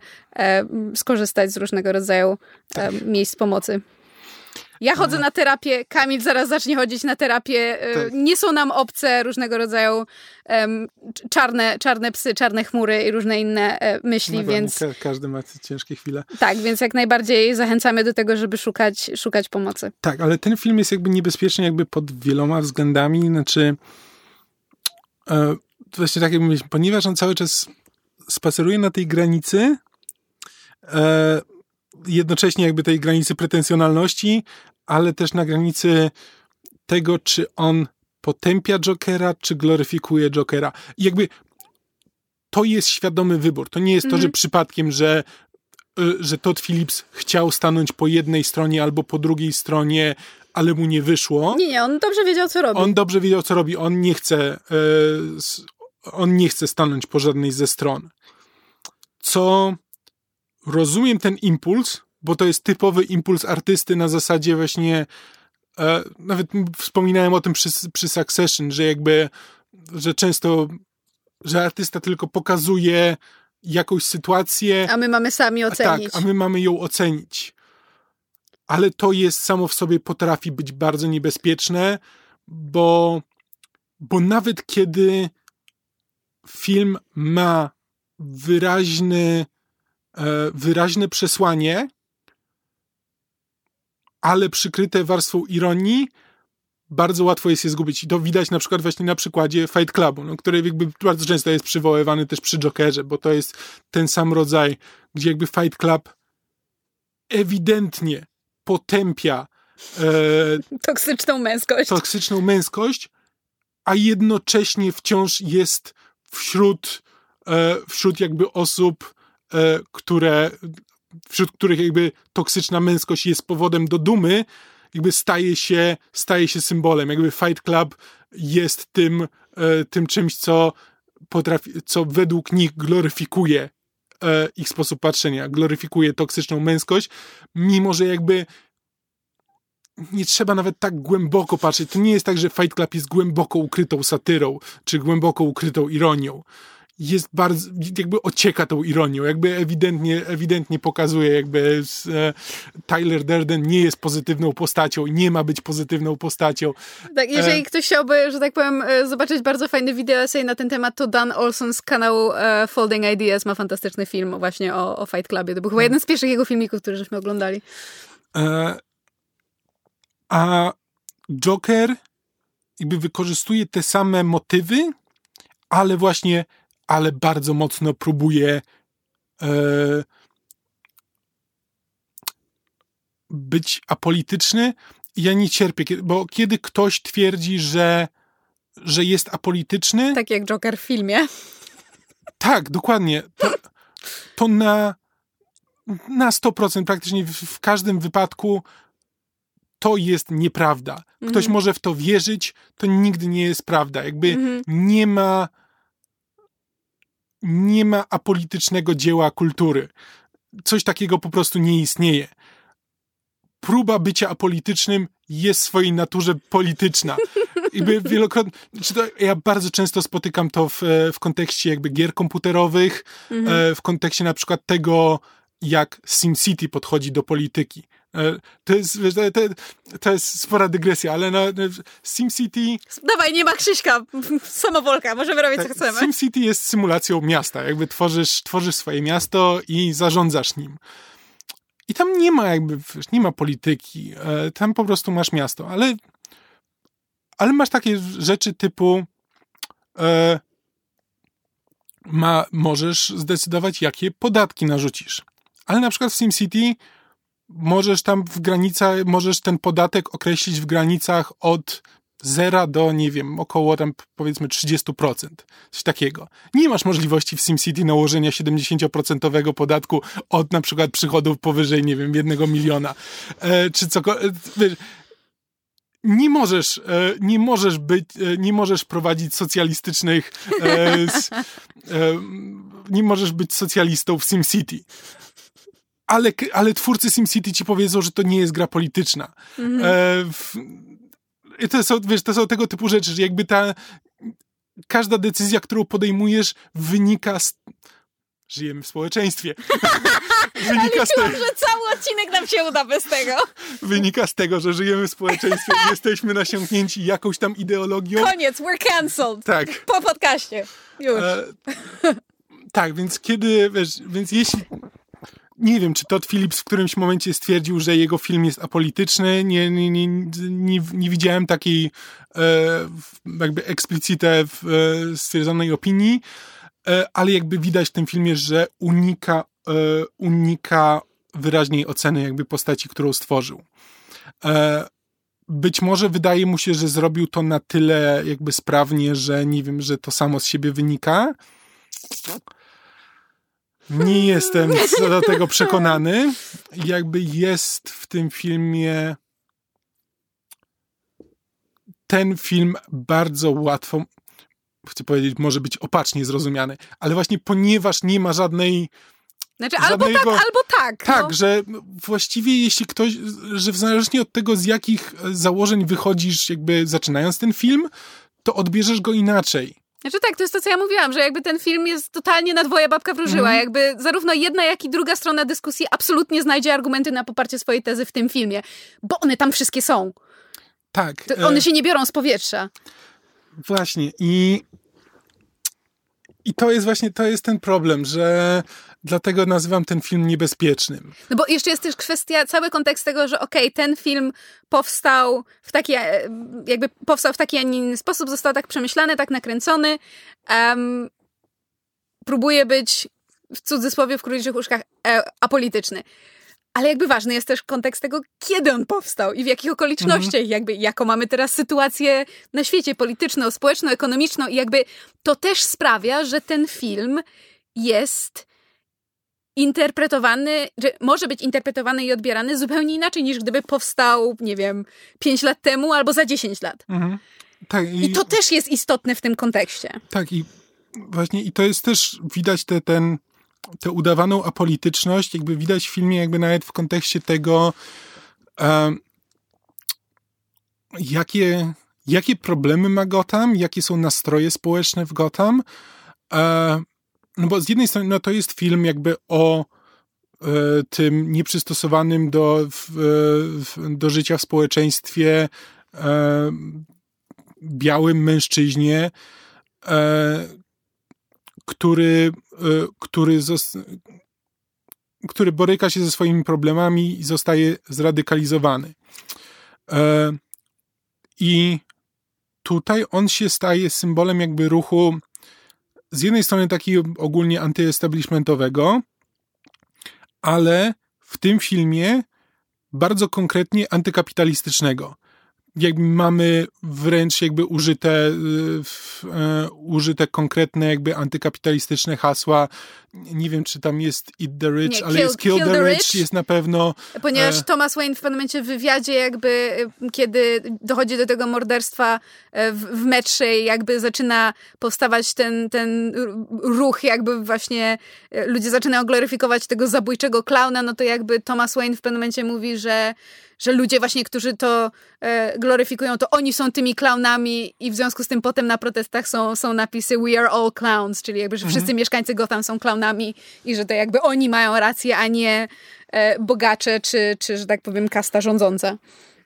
Tak i e, to jest dla mnie trochę wręcz bym to nazwał jakby nieuczciwe podejście, na pewno wiele osób się ze mną nie zgodzi i tak dalej, będzie, będzie z tym polemizowało i tak dalej, ale um, ja bym w pewnym stopniu chciał, żeby lewicowe poglądy miały za sobą tyle ferworu, tyle jakby społecznego poparcia, co ten film próbuje pokazać, że ma. E, bo jakby w tym filmie Gotham jest na skraju e, zamieszek. Socjalistycznych. E, tak, jakby antykapitalistycznych. E, co co w naszym świecie się praktycznie nie zdarza. Znaczy, może nie, nie w naszym świecie, ale e, w bezpośrednim, jakby w, w Stanach konkretnie na przykład bardzo ciężko jest o takie rzeczywiste zamie znaczy, zamieszki, protesty na dużą skalę e, antykapitalistyczne. Jakby są protesty, są ale Occupy są Wall Street, tego typu ale rzeczy. zazwyczaj są społeczne, czasami polityczne, ale nie jakby ekonomiczne, nazwijmy tak. to. I też jakby samo to radykalizacja e, właśnie białych mężczyzn e, nie jest w lewo. Tak, jakby nie e, jakby dzieje się po, od strony jakby wiesz, operowanie tutaj, wiesz, unikam trochę tych e, operowań mm -hmm. jakby lewica, lewica czy prawica, dlatego jakby używam jakby antykapitalistyczne, czy nie, no bo jakby e, radykalizacja jakby białych mężczyzn e, dzieje się bardzo często poprzez różne rasistowskie ideologie. E, to, że one są przy okazji też prawicowe, to jest jakby, to, jest osobna element rzecz. tego, tak, to jest osobna rzecz, to jest element kulturowy tego, że z jakiegoś powodu, znaczy nie z jakiegoś, tak jakbym nie wiedział, ale jakby z wielu różnych powodów jakby e, ideologia konserwatywna została wchłonięta przez różne rasistowskie E, ośrodki i, e, i jest wykorzystywane jakby różne jakby antysemity, antysemitystyczne hasła, jeśli jest takie słowo, jakby wszelkie rasisto, e, rasistowskie, antyimigracyjne, to jest zazwyczaj to, co i, i to widać jakby nawet jakby przez jakich ludzi są, są popełniane jakby masowe, masowe strzelaniny i tak dalej. E, i w jakich, w jakich kręgach się obracały osoby, które, e, które się tego dopuszczały. E, I jakby Joker uciekając od tego, uciekając jakby od tego, że to jest jakby od tego, że to jest pewna konkretna ideologia radykalizująca w bardzo konkretny sposób, w sposób, który ten film pokazuje, to jest dokładnie jakby sposób radykalizacji jakby osób, może nie, nie bardzo dokładny, ale właśnie, ale ten, ten, ten jakby mechanizm, e, ale pokazuje jakby zupełnie inne źródła tego. I też to, że jakby bardzo często właśnie biali mężczyźni, tak jak, tak jak Arthur w tym filmie, e, którzy czują się bezsilni, czują się. W tym filmie życie Artura jest obiektywnie koszmarne. E, społeczeństwo jest obiektywnie okropne. On zostaje jakby dwukrotnie pobity za nic. Mhm. Za, to, że, e, za to, że wygląda dziwnie. E, to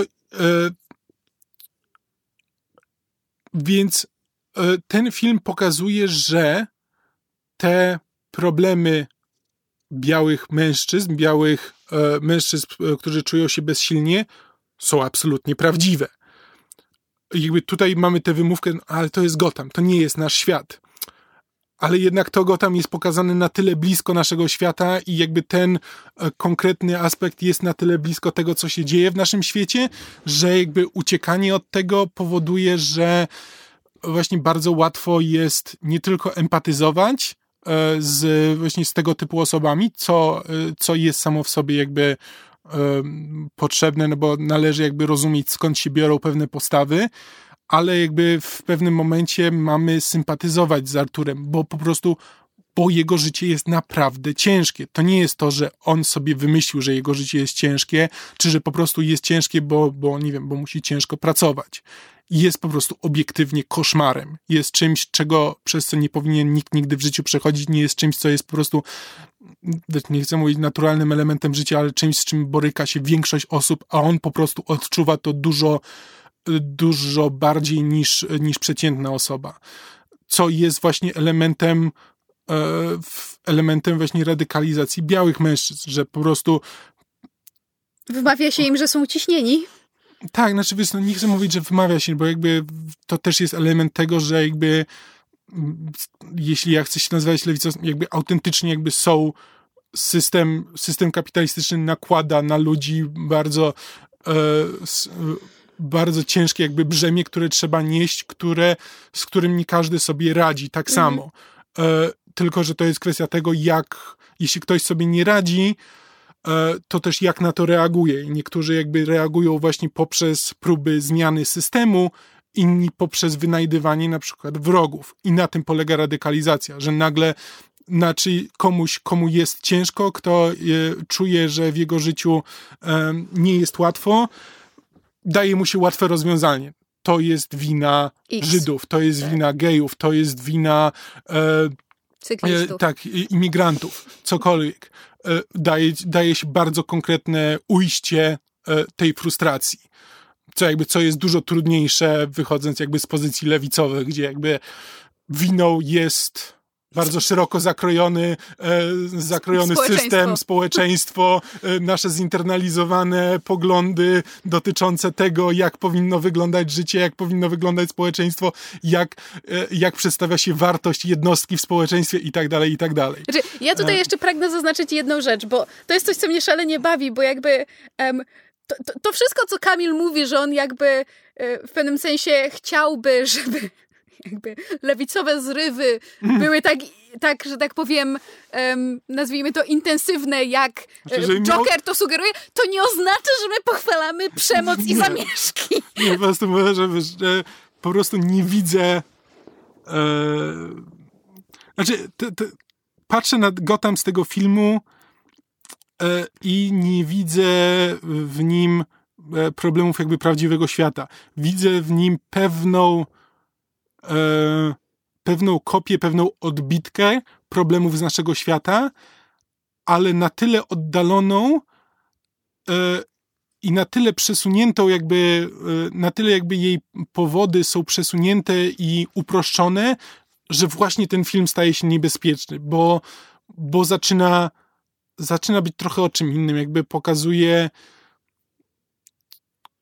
jakby filmów o uciśnionych białych mężczyznach jest trochę. e, I o jakby o poczuciu bezsilności, o, o kryzysie.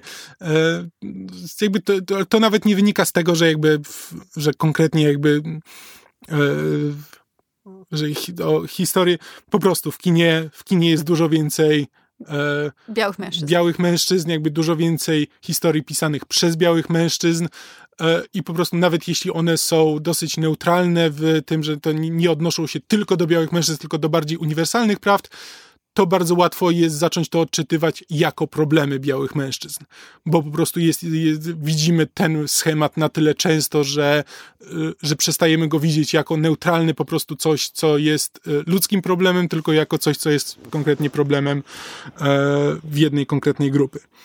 E, która się po prostu przewija w kinie dużo częściej niż inne.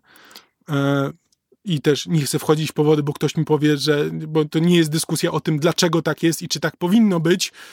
Po prostu mówię, że tak jest, jakby już odstawiając nawet ocenę, mimo że jakby moja ocena jest jednoznaczna, nie powinno tak być, ale nawet odstawiając to na bok, to po prostu tak jest i zaczyna się to odbierać zupełnie inaczej. Jakby hmm. kolejny dla mnie też w pewnym sensie problematyczny, czy właśnie niebezpieczny element tego filmu, to jest to, że no jakby Artur mamy eksplicite powiedziane, że jest osobą chorą, czy też niezrównoważoną psychicznie. Hmm. I mamy pokazane, że jakby to nie jest nam bardzo wiele sposobów film nam pokazuje, że to nie jest jego wina. Co jest jakby oczywiste, no bo jakby Mhm. nikt sobie nie sprowadza na głowę choroby psychicznej, to nie jest niczyja wina. Natomiast film jakby pokazuje, że Artur był em, jakby nie, nie, nie, miał, nie miał o tym wiedzy, nie miał tej świadomości, ale jakby dowiadujemy się później w filmie, że był, był e, jakby znęcano się nad nim em, maltretowano go. E, Bardzo możliwe, że ten, ten jakby nie, nieopanowany śmiech jest w wyniku urazu głowy, który odniósł w dzieciństwie. Mamy pokazane, że, że Artur chodzi jakby na, na jakby darmową terapię w ramach Mhm. opieki społecznej, że bierze leki. Potem w wyniku właśnie napięć w mieście i problemów finansowych miasto jakby zamyka em, ośrodki Znaczy, opieki społecznej. To jest coś, co jakby, co warto jakby pochwalić w filmie, że jakby e, że nie, nie chcę teraz wyprzedzać twojego, twoje, twojego argumentu, ale jakby to, że film pokazuje, że jakby zamknięcie tego ośrodka ma bardzo poważne konsekwencje, to jest ważne. Dobra, Tak, jak najbardziej. I jakby też e, w pewnym momencie Arthur odwiedza Arkham Asylum i tam rozmawia z, z jednym z administratorów jakby, a dlaczego tu ludzie trafiają, czy tylko dlatego, że byli źli? I jakby też mamy powiedziane, że nie, po prostu niektórzy ludzie nie są sobie w stanie poradzić, nie są zagubieni, nie mają się gdzie podziać. Hmm, tak. Shit happens. I tak, to jest jakby dobry aspekt tego filmu, że jakby mniej lub bardziej zręcznie, ale mamy pokazane, że hej, że y, państwo, miasto, jakby y, elity, znaczy nie elity, tfu, władze powinny tak- wspierać jakby finansowo wszelkiego rodzaju em, systemy, które wspierają i opiekują się osobami, które mają e, choroby lub zaburzenia psychiczne. Jakby cały taki e, służba zdrowia, e, że tak powiem, mentalna, psychiczna i tak dalej jest bardzo ważna i Tak, że jakby ro, rolą systemu, w którym żyjemy jest też pomaganie jakby e, w najsłabszym. Nie tylko dlatego, że to jest moralne, co jakby samo w sobie powinno być odpowiednio, e, odpowiednio dobrym powodem, ale też dlatego, że nierobienie tego wywołuje szereg skutków, e, które potrafią być tragiczne. Tak, dla tej osoby lub dla innych lub dla Tak, ale wszystkich. nawet właśnie dla całego społeczeństwa, że jakby dla, jakby to jest koszmar jednej osoby, kiedy jakby jedyny, e, jedyne źródło pomocy, jakie, jakie znalazła, nagle zostaje jej odebrane, Mhm. to jest jakby, to jest osobista tragedia, która właśnie bardzo często nawet jakby, to jest, to jest element, który poznaje w naszym świecie, który jakby właśnie bardzo często staje się potem problemem społecznym. Tak, tylko właśnie aspekt tego, który uważam za w pewnym sensie niebezpieczny, nawiązuje do tego, co mówiłeś o jakby białych, uciśnionych mężczyznach. Mhm. To znaczy, ja rozumiem, że, że, że cały czas mówimy w kontekście Jokera, który jest taką, a nie inną postacią, z taką, a nie inną spuścizną. Reż- e, Scenarzyści i reżyser mieli taki, a nie inny pomysł na niego, ale nie wiem, jak się zapatruje na powiedzmy myśl czy wniosek, który można by wyciągnąć na podstawie filmu, że powodem, dla którego białych mężczyzn osamotnionych jest tak łatwo zradykalizować, jest to, że są chorzy psychicznie. Bo owszem, em, zdarzają się na pewno takie przypadki, jakby bez względu na to, jakiej jesteś płci, czy rasy, czy przekonania, czy religii, czy czegokolwiek, jeżeli masz zaburzenia psychiczne, jeżeli masz problemy, jeżeli sobie nie radzisz, bardzo możliwe jest, że popełnisz błędy, podejmiesz złe decyzje i stanie się coś, że tak powiem, niezbyt dobrego. Natomiast nie do końca wiem, czy mi się podoba to, że jakby film tego eksplicitnie nigdzie nie mówi, że, że wszyscy biali mężczyźni, którzy dopuszczają się przemocy są chorzy psychicznie, ale jakby to, że głównym bohaterem jest biały mężczyzna i że jest chory psychicznie, Znaczy, mam te- z tym pewien problem, Znaczy, no. To jest też trochę to, czego jakby Joker nie pokazuje jakby przez to, że jest filmem o Jokerze.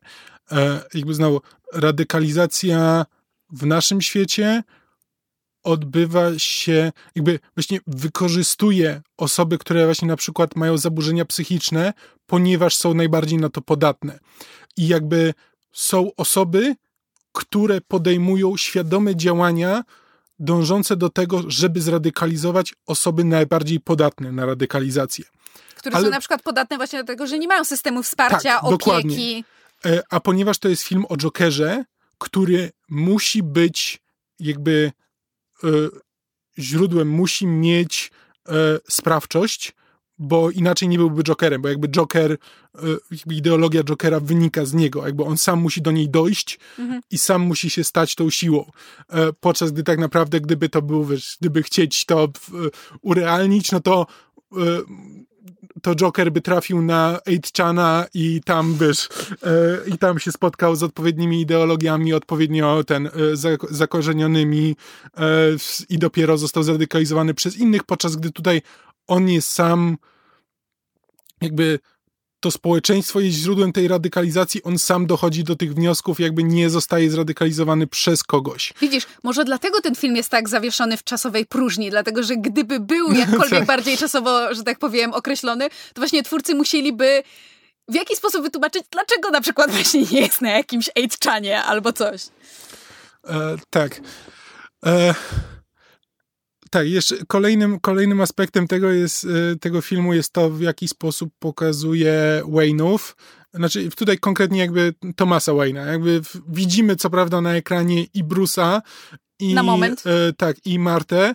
E, Jeszcze mniejszy moment, tak. głównie, tak. głównie moment z perłami, wszyscy znaczy, wiedzą tak, o co chodzi. Marta, Marta Wayne ginie. jest po prostu jako, znaczy no ginie, ale jest po prostu jako żona Thomasa Wayne'a tylko i wyłącznie w tym filmie. Jakby on, nie, nie, poznajemy jej zupełnie jako, e, jako postaci, jako osoby. I poznajemy Bruce'a, ale też jakby on się praktycznie nie odzywa, jest tylko... E, widownią. Tak, jest tylko widownią dla Jokera, to, to prawda. Um, więc Thomas Wayne jakby przejmuje, przejmuje tutaj rolę i tam, gdzie jakby we wszystkich historiach o Batmanie e, Wayne, Thomas Wayne był dobrym miliarderem. to przede guy. wszystkim, tak, był przede wszystkim jakby dobrym, dobrym człowiekiem, e, momentami wręcz lewicowym, jakby, że miał te wszystkie pieniądze, ale robił z nimi wszystko, co powinien, żeby, żeby ułatwić życie mieszkańcom, e, mieszkańcom miasta. E, podczas gdy tutaj Thomas Wayne jest lipkiem, takim totalnym, totalnym liberałem, jakby mówi ewidentnie, że jakby świat jest podzielony na tych ludzi, którzy zrobili coś ze swoim życiem, i, I na tych, tak, i klaunów, którzy, e, którzy, nie, e, którzy nie, nie przyjmują odpowiedzialności za swoje, za swoje czyny. Um,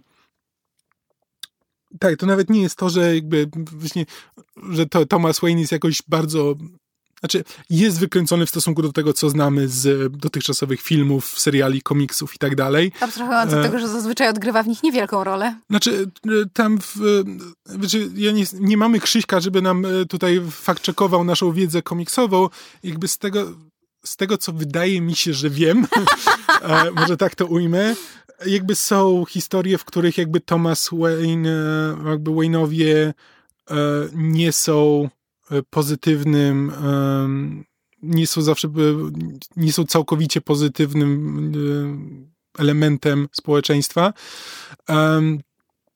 Ale no jakby Joker, Joker idzie z tym bardzo, z tym dużo, no może nie dużo dalej, jakby po prostu bierze Thomas Wayne jest biznesmenem i jest, przedstawia typową dla, e, dla wielkiego biznesu jakby tą um, sposób myślenia, który po prostu sprawia, że Thomas Wayne uważa, że doszedł do wszystkiego własną pracą, a inni e, nie, chcą, nie chcą przyjąć odpowiedzialności za swoje życie. I to jest ich własna wina. I to jest ich własna wina. Oni są po prostu klaunami, są klauni i są dobrzy ludzie, tacy jak on. I on pomoże im e, wszystkim, bo on jest taki dobry i moralny. Tak, tak, dokładnie. I to jest właśnie, pan. tak, to jest, to jest ta liberalna pozycja na zasadzie, że ja, każdy jest, każdy jest kowalem swojego losu ja jestem dobry i staram się pomagać ludziom, ale, ale niektórzy ludzie po prostu są nie chcą sobie pomóc. E, jakby mogę pomóc tylko temu, kto chce, chce sobie pomóc. E, I jakby widzimy też w, w relacji, znaczy nie widzimy nigdy samej relacji Penny, czyli matki Artura i Thomasa Wayne'a, jakby wiemy, że znaczy, najpierw mamy sugestie, znaczy sugestie mamy powiedziane, że, że ze sobą byli, że on jej powiedział, że no nie mogą się ujawnić, bo jakby to wyglądało, jak, jak prawda, mm. zepsułoby to jego wizerunek i ona mu uwierzyła, bo przecież on jest taki dobry i prawy. Potem z kolei e, jakby jest nam powiedziane, że nie, że Penny to wszystko zmyśliła, że oni nigdy nie mieli romansu, że ona jest chora psychicznie, a w ogóle to Artur jest adoplowany. A potem praktycznie na sam koniec e, Artur ogląda zdjęcie swojej mamy z młodości, gdzie z tyłu jest napisane, że tam e, masz piękny uśmiech, uśmiech i są inicjały TW. Więc mamy, to jest jedyny moment mhm. w filmie, kiedy, kiedy film jeszcze pozostaje subtelny i nie mamy żadnego mhm, tak, tak. movie montaż, gdzie mamy sugestię, że kurczę, tam jednak znaczy, jest coś tak, więcej. ewidentnie do tego romansu jakby między Penny a Thomasem Wayne'em doszło, bo, bo ewidentnie Thomas Wayne w tym filmie jest tą postacią, która by miała romans ze swoją sekretarką. E, tylko, że no ona jakby ponieważ, ponieważ Penny tam miała swoje problemy, to jakby poszła z tym dużo dalej i wmówiła sobie jeszcze, że jakby dużo więcej znaczenia temu nadała niż, niż tym rzeczywiście było. Ale a on do tego wykorzystuje jej chorobę psychiczną, żeby jakby kryć sobie dupę. Tak, i ją też gaslightować. E, tak jest. E, tak, więc jakby Thomas Wayne jest tutaj jednoznacznie negatywną postacią i e, jest też tą postacią, która, która przyczynia się bardzo mocno do, do radykalizacji Artura. Um, czy coś jeszcze mamy do powiedzenia o tym filmie? Ja jestem ciekawa Twojej interpretacji, dlatego że film nam jakby z jednej rzeczy, z jednej strony sporo rzeczy nam jakby sugeruje i jakby bawi się w takie fake out, to znaczy pokazuje jedna, a potem jakby zmienia zdanie, a potem trzeci raz zmienia zdanie. Wiemy, że Artur ma urojenia, że nie wszystko, co jakby widzimy, może e, być prawdą. Mamy scenę, w której Artur e, zabija swoją matkę w szpitalu, bo ona miała. E, przyszli policjanci pytać się o Artura, ponieważ są coraz bliżej ujęcia sprawcy morderstwa w mhm. metrze. E, ona się zdenerwowała, miała udar, leży w szpitalu. Artur jakby do niej przychodzi, no i ale już, już jest, że tak powiem. Y, na progu narodzin Jokera. Znaczy I to jest tuż po tym, jak się dowiaduje, że rzeczywiście e, został adoptowany. Jakby na początku mówi mu to Thomas Wayne. On mu nie on, wierzy, on mu nie wierzy sprawdza. tak, sprawdza to, jakby przekonuje się, że tak, rzeczywiście to jest prawda, że był, e, został adoptowany e, i jakby Penny ukrywała przed nim to, kim, kim naprawdę jest. No, znaczy to też jest taki dosyć słaby wątek, bo jakby z tego, że, z tego, że Arthur jest adoptowany, jakby niewiele wynika, bo to nie jest tak, że... Znaczy, może poza taką interpretacją, że jest jeszcze bardziej nie wiem, samotny znaczy, i, tak. i, że tak powiem, od, o, odosobniony od wszystkich niż, niż myślał początkowo, że nawet jakby matka, jedyna osoba, której ufał i którą kochała, okazała się jakby... Znaczy tak, no jakby okłamywała go, owszem, tylko że to też jest taki, taki znaczy wiesz, nie chcę to jest dziwne, dziwne takie wartościowanie, no bo ona go okłamywała, ale to nie jest tak, że skłamała z, e, że to kłamstwo, gdyby ona nie skłamała, to życie Artura by wyglądało zupełnie inaczej. No bo jakby ona wciąż była jego, jego matką, jakby przez całe mhm. życie się nim tam opiekowała, e, jakby miała, znaczy miała przemocowego partnera, który jakby znęcał się nad nią i nad, e, i nad Arturem, ale to w tym momencie, czy Artur był jej synem, czy nie, jakby jest drugorzędne, więc to jest taki dziwny wątek, w którym ten wątek adopcji, znaczy rozumiem, że on ma być właśnie tym wątkiem, że on tak naprawdę, że został, to nawet jest, nawet jest napisane bezpośrednio w tych dokumentach, że on został, że był porzuconym dzieckiem i adoptowała go e, Penny. Więc to jest jakby ten moment, w którym jakby Joker znaczy Arthur się przekonuje, że był niechciany. Ale w jaki sposób to się odbija na jego matce, jakby to jest takie trochę, nie wiem, wydaje mi się trochę naciągane. Znaczy nie wiem, myślę, że tu można by dyskutować jakby, wiesz, fakt, że, że nie wiem, że to nawet nie jest to, że Penny mu nie powiedziała, że on jest adoptowany. Jakby Penny sobie w głowie ukuła przecież, że, że ojcem Artura jest Thomas Wayne. Mhm. Więc jakby to, że ona też e, wychowywała go, nie mówiąc mu, ale wychowywała go w takim przekonaniu na zasadzie twój tata, e, wielki miliarder gdzieś tam jest i jeżeli kiedyś do czegoś przyjdzie, to ja do niego napiszę i on nam da pieniądze i będziemy żyli, wiesz. Mhm. Jakby ona miała, ona też miała swoje urojenia, które prawdopodobnie mhm. w jakiś sposób wpływały na to, jak wychowywała Artura, e, na to, jaką mieli relację. Tutaj już oczywiście spekuluję. Natomiast to, do czego dążę, to jest to, że mamy tę scenę w e, szpitalu, kiedy Artur um, um, bierze poduszkę i, i, i dusi swoją mamę w szpitalnym łóżku. I nie wiem, czy zwróciłeś uwagę, że ta scena jest dziwna z dwóch powodów. A ja, ponieważ jestem um, świeżo po tłumaczeniu różnego rodzaju około medycznych rzeczy, w związku z tym zwróciłam na to uwagę. No bo jeżeli ktoś leży w szpitalu, jest podłączony do, do monitora serca, no to mamy te słynne pikanie, kiedy, prawda, mhm. tętno skacze i tak dalej. No i kiedy Artur dusi swoją matkę, to oczywiście tętno e, i, i puls e, przyspieszają. No po czym, kiedy jakby dochodzi do, potem, potem zwalnia i kiedy dochodzi do zatrzymania akcji serca, Wszyscy, którzy oglądali chociaż jeden odcinek Ostrego Dyżuru, albo Grey's Anatomy, albo dowolnego innego serialu medycznego wiedzą, że wtedy następuje bardzo charakterystyczny dźwięk. Ale... Tu go nie ma. To jest mit. E, Dobrze. Znaczy, podobno, znaczy dźwięk, jeśli maszyna wydaje dźwięk pip, to prawdopodobnie znaczy, że y, coś się rozłączyło. że to po prostu znaczy, że doszło do jakiejś ten, technicznej, okay. technicznej awarii, ale właśnie kiedy ustaje praca serca, to po prostu przestaje Spoko. pracować. Przyjmijmy, że twórcy byli inteligentni ale wiem, i o co tym chcesz wiedzieli. dalej powiedzieć. Tak. Ale nie zmienia to faktu, że jeżeli dochodzi do, e, że tak powiem, zatrzymania e, pracy serca albo do jakiejś sytuacji, gdzie pacjentowi zaczyna się dziać źle, to dlatego jest podpięty do różnych rzeczy, żeby albo rozlegał się sygnał dźwiękowy, mhm. albo żeby, żeby albo dyżur, w dyżurce rozlega się jakiś alarm pod tytułem na sali tam XY pacjent, który jest podłączony akurat do monitora, na przykład jest in distress, czyli jakby mhm. w stanie, w stanie, wzburz, w stanie wzburzenia. I fakt, że Artur po prostu mógł tak sobie tę swoją matkę poddusić mhm. poduszką centralnie na szpitalnym oddziale i nie mamy, nie słyszymy z daleka żadnych alarmów Code Blue, ani nie słyszymy nadciągających kroków. Jakby nikt i też jakby nie widzimy mm. martwej matki Artura. On tylko w pewnym momencie dwóm swoim kolegom, którzy przychodzą, żeby go e, odwiedzić, mówi, że moja matka umarła mm. i, i że teraz świętuje. I ja się teraz zaczynam zastanawiać, czy to nie jest kolejne urojenie Artura pod tytułem, że po prostu przemoc wobec matki tej, która go okłamywała, że to jest jakby... Że... Zastanawiam się. I jest to możliwe, szczególnie, że ten film jakby tak wiesz, zostawia wielokrotnie to trochę niedopowiedzenia, bo na przykład też nigdy nie przekonujemy się, znaczy poprawnie jeśli się mylę, ale nie, nie, nie przekonujemy się, co się stało z sąsiadką Artura, tak, kiedy, on ją, kiedy on ją odwiedza.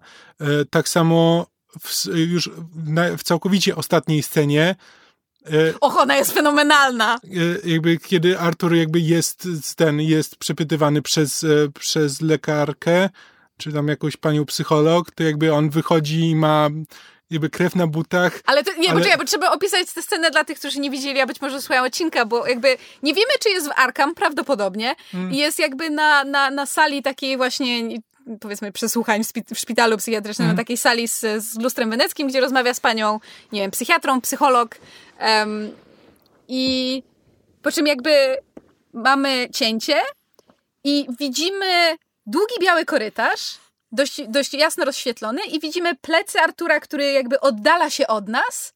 On jest oczywiście też ubrany na biało w, w jakby taki strój pacjenta i widzimy, że zostawia so, za sobą krwawe ślady stóp. Mm. I w filmie, który tak momentami bardzo nie potrafi być subtelny, to jest tak ładna scena, że kurde, może dla Toda Phillipsa jest jeszcze nadzieja. Nie no, mówię, że jakby Todd Phillips jakby ma fajne pomysły jakby wizualne. Jest ciekawym, ciekawym wizualnie reżyserem. Ma dobre pomysły. I tak, to jest bardzo fajne to jest, wiesz, to, tak, to ma to swoje... Tak, ma, ma symboliczne znaczenie, że znaczy, po pierwsze jest jaśnie niedopowiedziane, bo nie wiemy, co się wydarzyło w tamtym gabinecie, nie wiemy w ogóle, czy ta scena w, jest jakkolwiek, jakkolwiek prawdziwa, czy to też jest kolejne urojenie, szczególnie, że kończy się jakby kompletnie absurdalnie, jakby, wiesz, pogonią po korytarzu przy ten... Przez, tak, salowych, czy tam Tak, salowych, tam. to wiesz, wręcz e, prawie, prawie Scooby-Doo, tak, tak, bo on ucieka najpierw w lewo, potem w prawo i cały czas go goni ten jeden i ten sam e, pielęgniarz. E, ale też jakby, wiesz, ale też symbolicznie, no czy wiesz, to nie jest... Tu, tu, tu, nie ma wielkiej symboliki. Znaczy, tu jest scena, w której e, Joker, wychodzi, kiedy traci pracę, to wychodząc, e, wychodząc, e, mija znak Don't forget to smile i zamazuje słowa forget to. Żeby było don't smile. Tak, więc ty, tak. Ty, to, to, nie jest tak, że to jest jakaś głęboka symbolika, ale mimo wszystko to jest jakby jako nam kończąca scena to, że jakby Joker zostawia za sobą te, te krwawe ślady.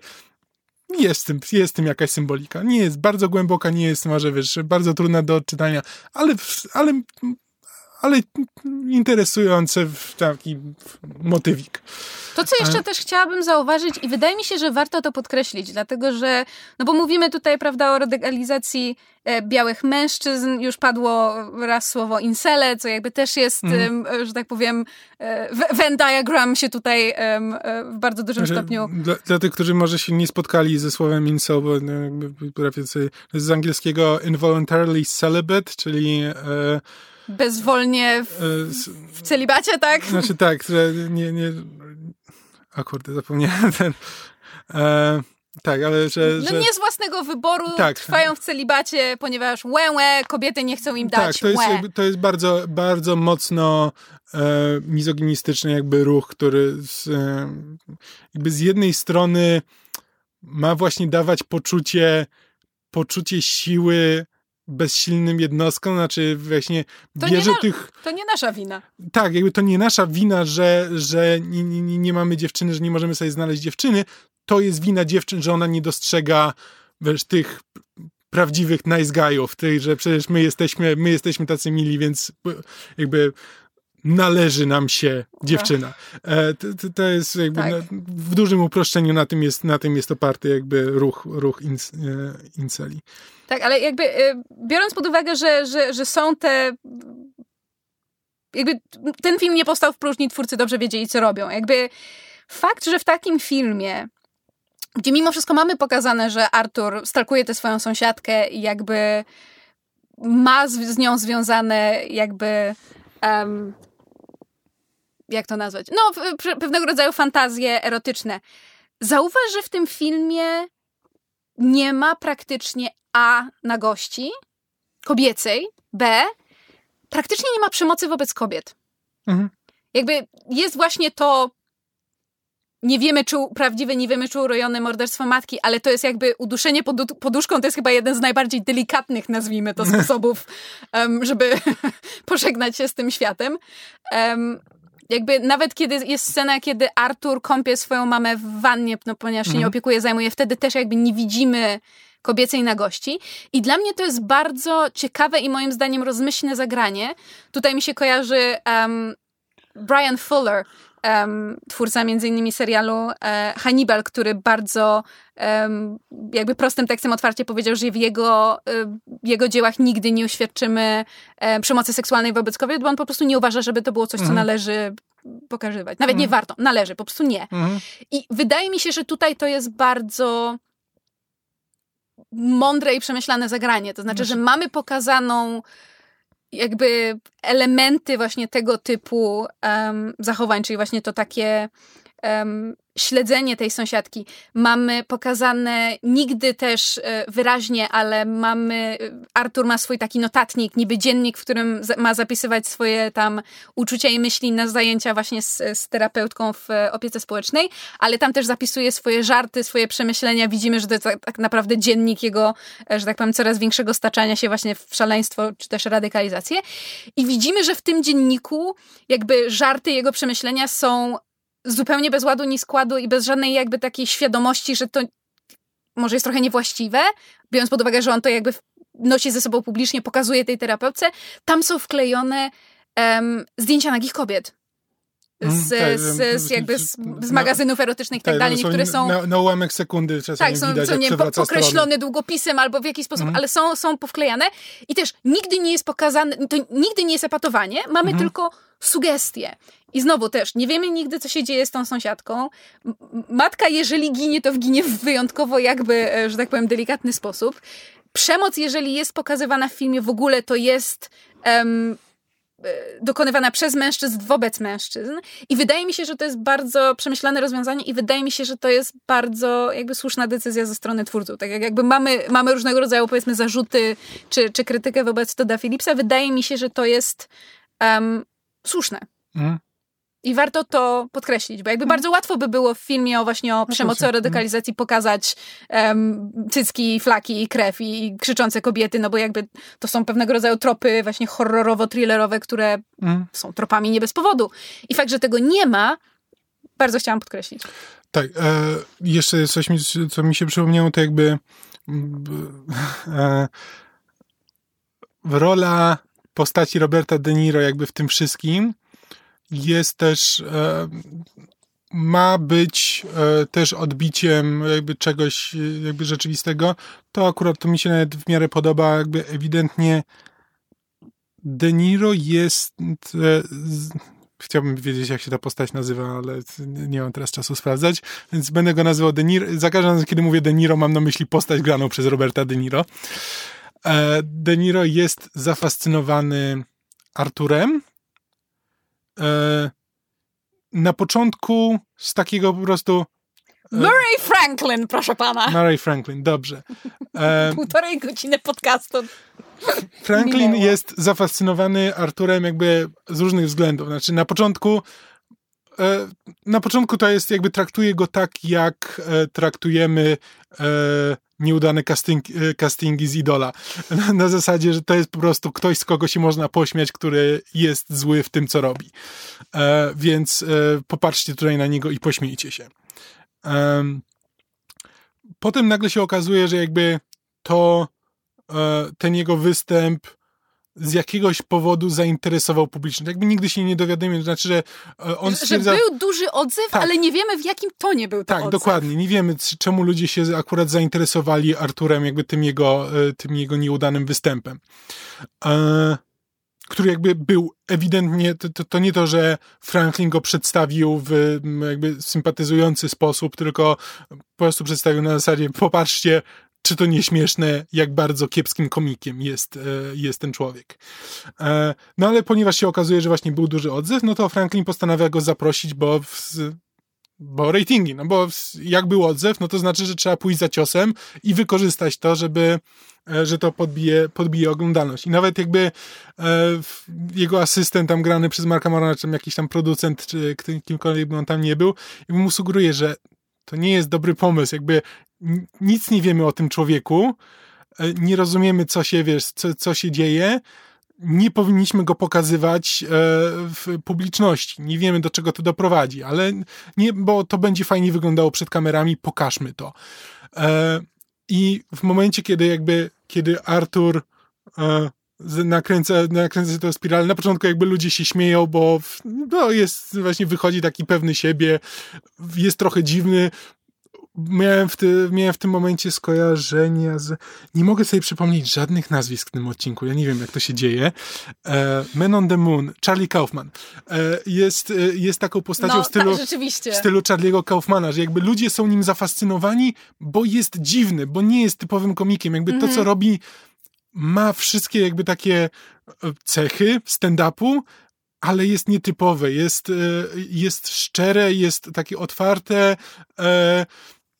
ale, ale nie do końca śmieszny, ale to samo w sobie jest śmieszne. Znaczy on siada na, on siada tam na miejscu, znaczy w ogóle przychodzi i całuje jedną z, jedną z zaproszonych gościń, tak, tak w usta, więc ludzie się śmieją, haha, e, nie, nie wiedzą o co chodzi. Haha, więc molestowanie, tego, haha! Tak, więc się z tego śmieją, ale nie wiedzą o co chodzi. Um, on później siada i po prostu się gapi e, i wiesz, i ludzie też się śmieją, bo nie rozumieją, co się, co się dzieje. No ale później jakby coraz, wiesz, on się przyznaje do tego, że on zamordował tych ludzi w metrze, że to on jest tym. I ludzie za kulis pokazują De Niro, że powinien to przerwać. Nie, nie powinien pokazywać tego człowieka. Ale, ale De Niro jest nim zafa- jakby to się zaczyna od tego, że on jest po prostu e, że on po prostu chce podbić swoje ratingi, że to jest tylko i wyłącznie po to, żeby jest ktoś, kim się tym, w tym momencie interesują ludzie, więc on go pokaże. Ale potem zaczyna autentycznie się nim interesuje, że jak to, zabiłeś tych ludzi, ale czemu? Ale czy nie uważa, że to jest złe? Ale czy jeśli by wszyscy tak postępowali, to co wtedy? I zaczyna, zaczyna z nim dyskutować, wchodzi z nim e, w debatę. E, Mistake! Tak. E, I to i to tylko go tylko nakręca. Jakby wiemy, że Arthur przyszedł tam z myślą na zasadzie, że chce tam usiąść, chce popełnić samobójstwo i w ten sposób wywołać szok w ludziach. Ale jakby w trakcie, e, kiedy De Niro go e, angażuje wtedy w tę dyskusję, antagonizuje w no, pewien sposób, go, no. tak, podjuza go, to się obraca, obraca przeciwko niemu.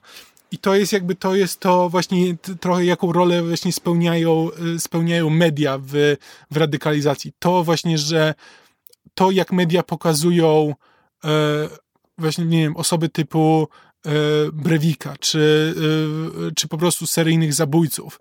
E, jak bardzo są zafascynowane właśnie osobami, które popełniają masowe, masowe strzelaniny. Znaczy, na miłość boską, nastrój wokół Jokera był taki, że każdego dnia się czuło, aż media po prostu drżą z oczekiwania, aż na jakimś seansie Jokera ktoś zacznie strzelać.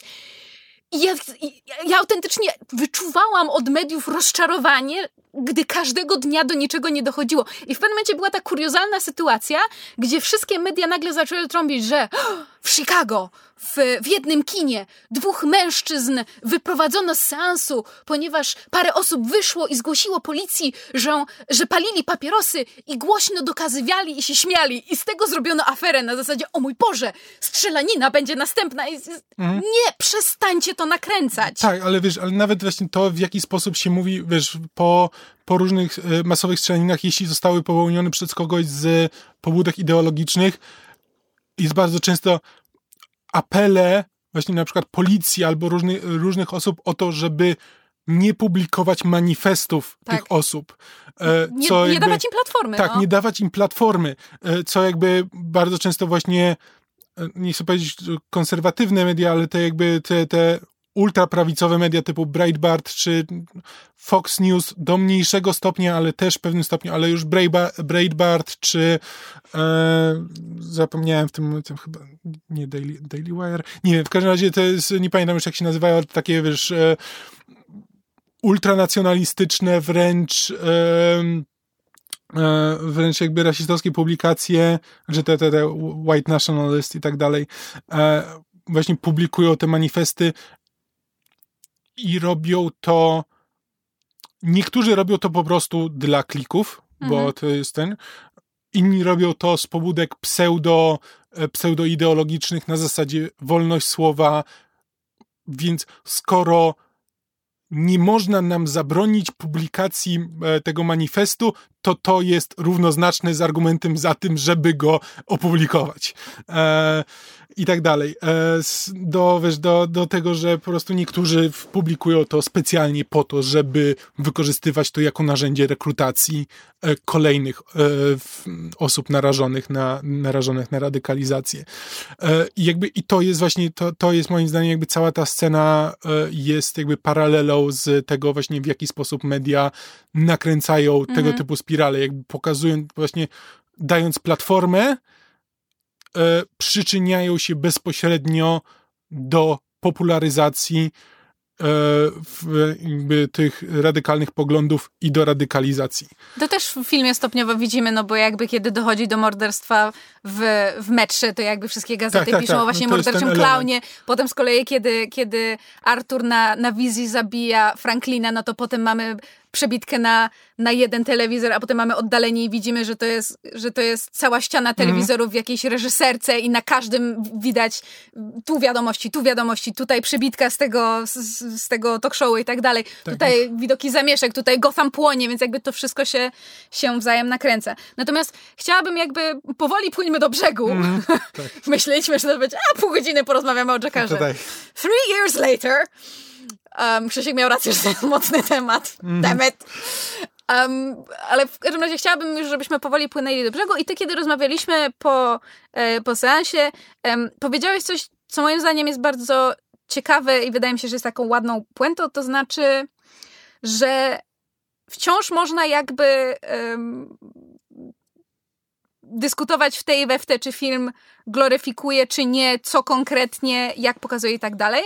Natomiast um, bardzo jest dla mnie to ciekawe, z, z, jakim jakby ty poczuciem wyszedłeś z tego filmu, na zasadzie, że i, i jakby ja wtedy powiedziałam, że tym bardziej mnie nie dziwi, że właśnie ten film nie, wywo nie wywołał żadnych, że tak powiem, e, strzelanin i dajcie wszyscy bogowie, że ta sytuacja się utrzyma, bo e, Stany Zjednoczone nie potrzebują więcej strzelanin, bo tam jest chyba jedna w tym momencie na dwa dni, czy coś takiego. Um, powiedziałeś, że jakby to, co to jak ty to odebrałeś, że film pokazuje, że Joker mimo wszystko nie ma tej takiej mocy, jaką że tak powiem... E, mu przypisuje? Tak, że, jaką się my przypisuje jako temu popkulturowemu symbolowi mm. właśnie tego takiego... wiesz, chaosu przeobloczonego w ciało, który mm.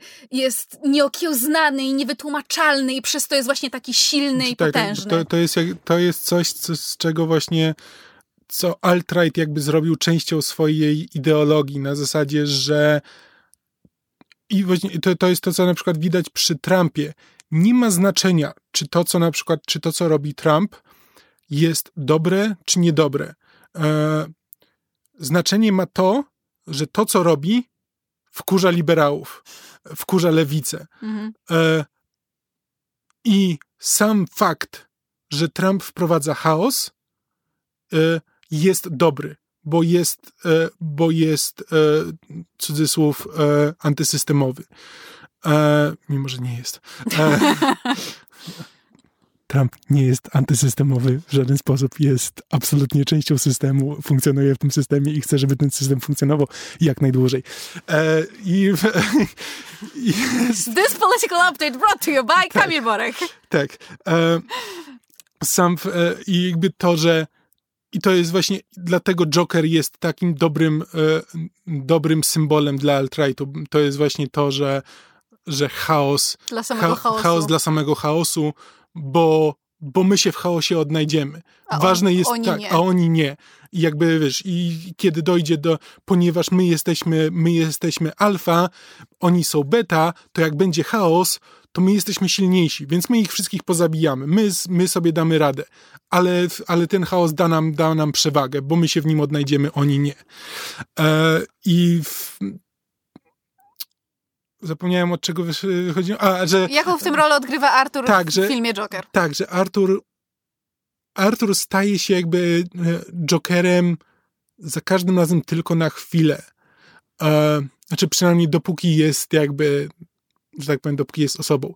E, zaraz do tego dojdę, jakby, że nawet kiedy, właśnie nawet kiedy staje się najbardziej Jokerem, kiedy maluje sobie włosy na, na zielono, robi sobie make-up, zakłada ten garnitur, wychodzi, tańczy na tych schodach, gra bardzo dynamiczna muzyka, e, która jakby w, właśnie to jest taki moment, w którym ja tak trochę na to patrzę, gloryfikujecie Jokera. Jakby w tym momencie to jest Joker jest mega cool.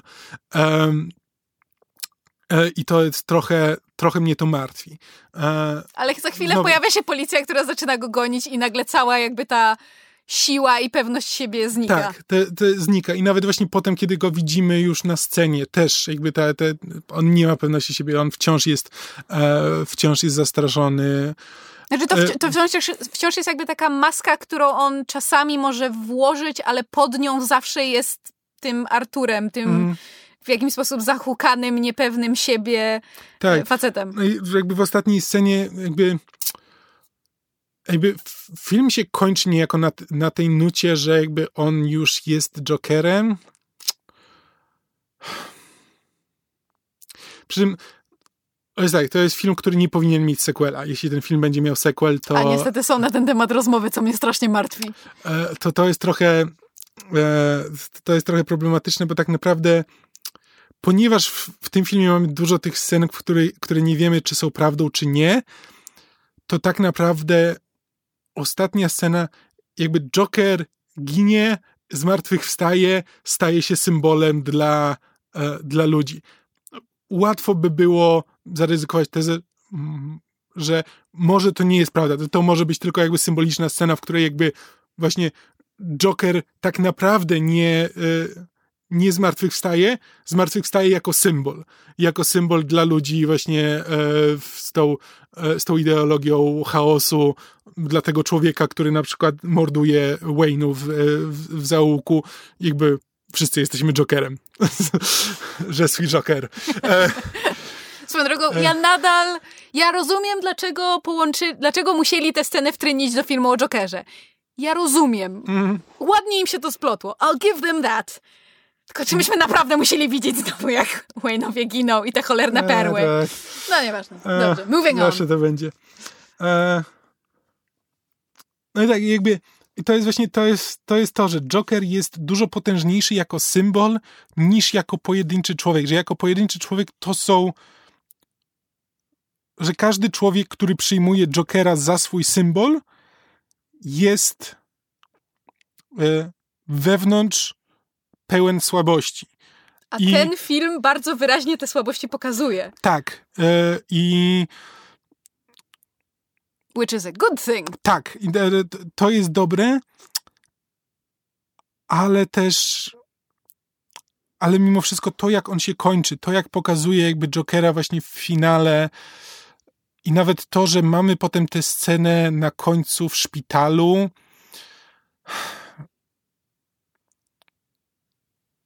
Ja autentycznie nie wiem, jak to, e, Odebrać? jak to odebrać. Czy, bo z jednej strony to jest tak, że on się, on ma tę chwilę, kiedy jedzie samochodem, e, jedzie radiowozem, patrzy na, e, patrzy na tę w- destrukcję wokół i czuje satysfakcję. On tego dokonał. To No, jest mówię jego nawet, sprawka. czy, czy, czy, czyż to nie jest piękne, nie? Tak, tak. s- I policjant mu mówi, że, że to, że patrz czego, co nam narobiłeś i ewidentnie jakby Joker jest z tego dumny. E, I później jakby inni też to przyjmują, gloryfikują jego. Ale to też jest trochę tak, jakby film go gloryfikował. I w ostatniej scenie też, no, on wychodzi i tak jak mówię, no to, to, to jest bardzo fajna scena, jak on idzie i jakby ciągną się za, za nim te, te krwawe ślady, no ale potem na koniec też ucieka przed tym pielęgniarzem. Jest trochę, jest trochę żałosny w tym, że jakby ucieka po korytarzu przed jakimś, przed jakimś pielęgniarzem. To nie jest to, co jakby kojarzymy z Jokerem. To nie jest, wiesz... Tak, ale z drugiej strony tuż przed tym jakby o, y, ostatnia jego wymiana słów z tą, z tą em, terapeutką, to jest on się zaczyna śmiać i ona się pyta, co jest takie Tak. zabawne. On mówi... em, Nie zrozumiałabyś. da, I tak byś nie, Że, że, przypomniał mi się dowcip, że jaki tam dowcip, y, tak I- byś nie I zrozumiała. tak byś nie zrozumiała. I to jest właśnie, to jest też ten taki, e, to jest ta scena, która też wpływa jakby na ten wydźwięk, no bo jakby Właśnie, to jest właśnie. takie pokazanie, że, że Arthur is in on the joke, ale wszyscy inni nie. I to Tak. w jakiś sposób sprawia, że on jest wyżej, on jest lepszy, bo on Tak, rozumie, że- on ma jakąś wyższą świadomość. Tak, dokładnie. To go stawia na wyższej pozycji. To, No że właśnie. on wie coś, czego ty nie wiesz. Tak. E, Rozu- znaczy inaczej, nawet nie On- to, że wie, on rozumie coś, czego inni nie rozumieją o świecie. I, I to niekoniecznie jest istotne, czy to jest prawda, czy nie. Tak. Ważne jest to, że on tak myśli i, I film to inni tak myślą. pokazuje. I inni myślą, Tak. że on ma rację. Tak, tak, tak. Więc No to więc- jest właśnie, tak. Więc ten film tak... Hmm. I wiesz co, to nie jest to, żeby że ja chcę, żeby reżyser wyszedł na koniec i powiedział, ale pamiętajcie dzieci, że, że Joker jest zły i nie powinniście być jak Joker. E, To jakby nie chodzi o to, że ja chciałbym, żeby ten film był mniej subtelny, bo jakby i znowu, wracając do Fate Clubu, można zrobić film, który jest dwuznaczny, który jest ironiczny, który jego jakby odczytanie jakby pozostaje w gestii widza, ale Trzeba E, bardzo ale- chcieć, żeby go odczytać źle. tak, ale jednak, jednak jak się mu przyjrzeć, to ma, ma wszystko wskazuje na jakby na konkretne, konkretne odczytanie.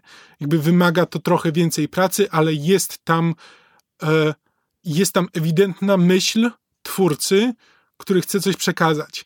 A w Jokerze nie do końca. Jest sporo, no, mówimy o tym od dwóch godzin, e, jest tam sporo jakby interesujących motywów, które wiążą się z tym, co rzeczywiście dzieje się w naszym świecie.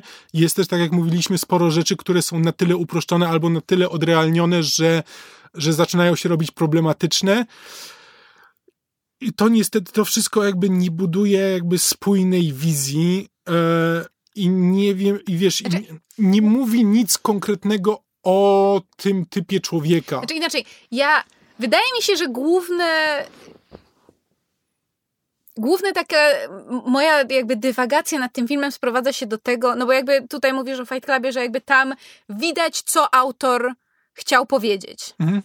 A tutaj ja się zastanawiam, czy to jest właśnie kwestia tego, że film jest troszeczkę rozmyty i bez kierunku, jakby twórca chciał coś powiedzieć, ale nie do końca mu wyszło, czy jakby to, co myśmy też parokrotnie już wspomnieli pod tytułem Todd Phillips bardzo dobrze wiedział, co robi i co chce powiedzieć, a chciał powiedzieć to, że prawda jest gdzieś po środku i szuka jej sam. Co samo w sobie już jest problematyczne, Tak, więc jakby tak. to jest ten, to jest ten, ten taki ten, ten the, the crux of the movie, że tak powiem, które, które ja sobie w głowie gdzieś tam rozkminiam pod tytułem, czy to jest to, że twórca nie wiedział, co chce powiedzieć, więc zostawił po środku, czy on bardzo dobrze wiedział, co chce powiedzieć i dlatego zostawił po środku. Tak, I obie z tych wersji są trochę Znaczy, wiesz, Niepokojące. jakby, tam śmierć autora i tak dalej, może nie powinniśmy się zagłębiać w to, jakby jakie są tam poglądy Philipsa i jak to, jaki to ma wpływ na film. Jak to nie? Ale- Woke culture jest ale- shit.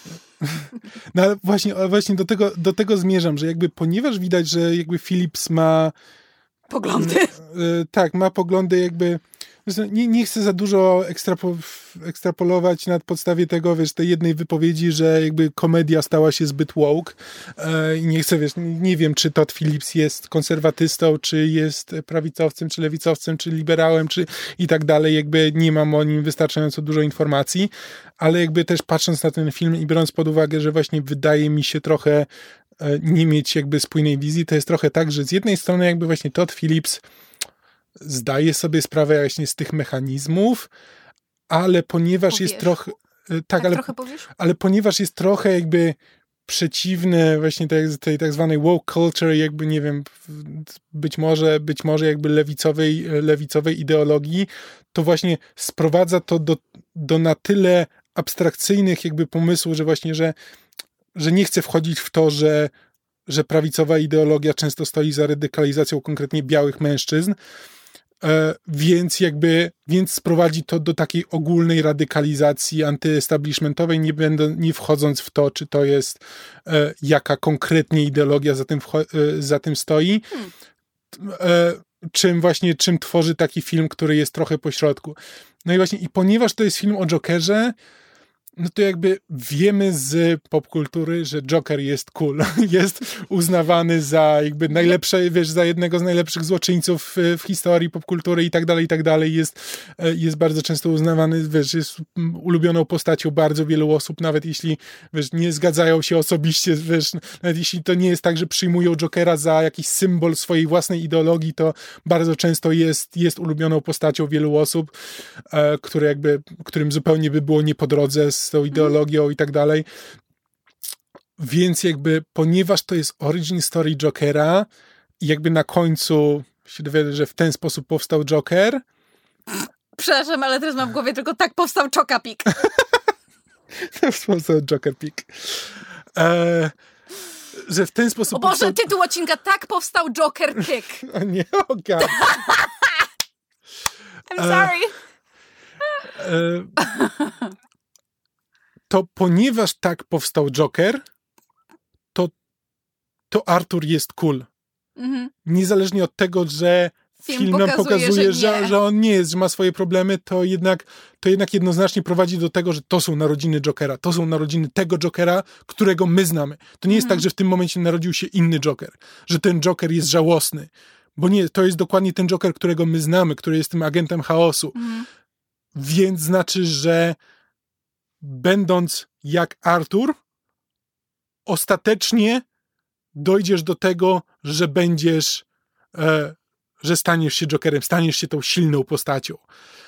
Co jest, i to jest właśnie to, to problematyczne przesłanie tego filmu.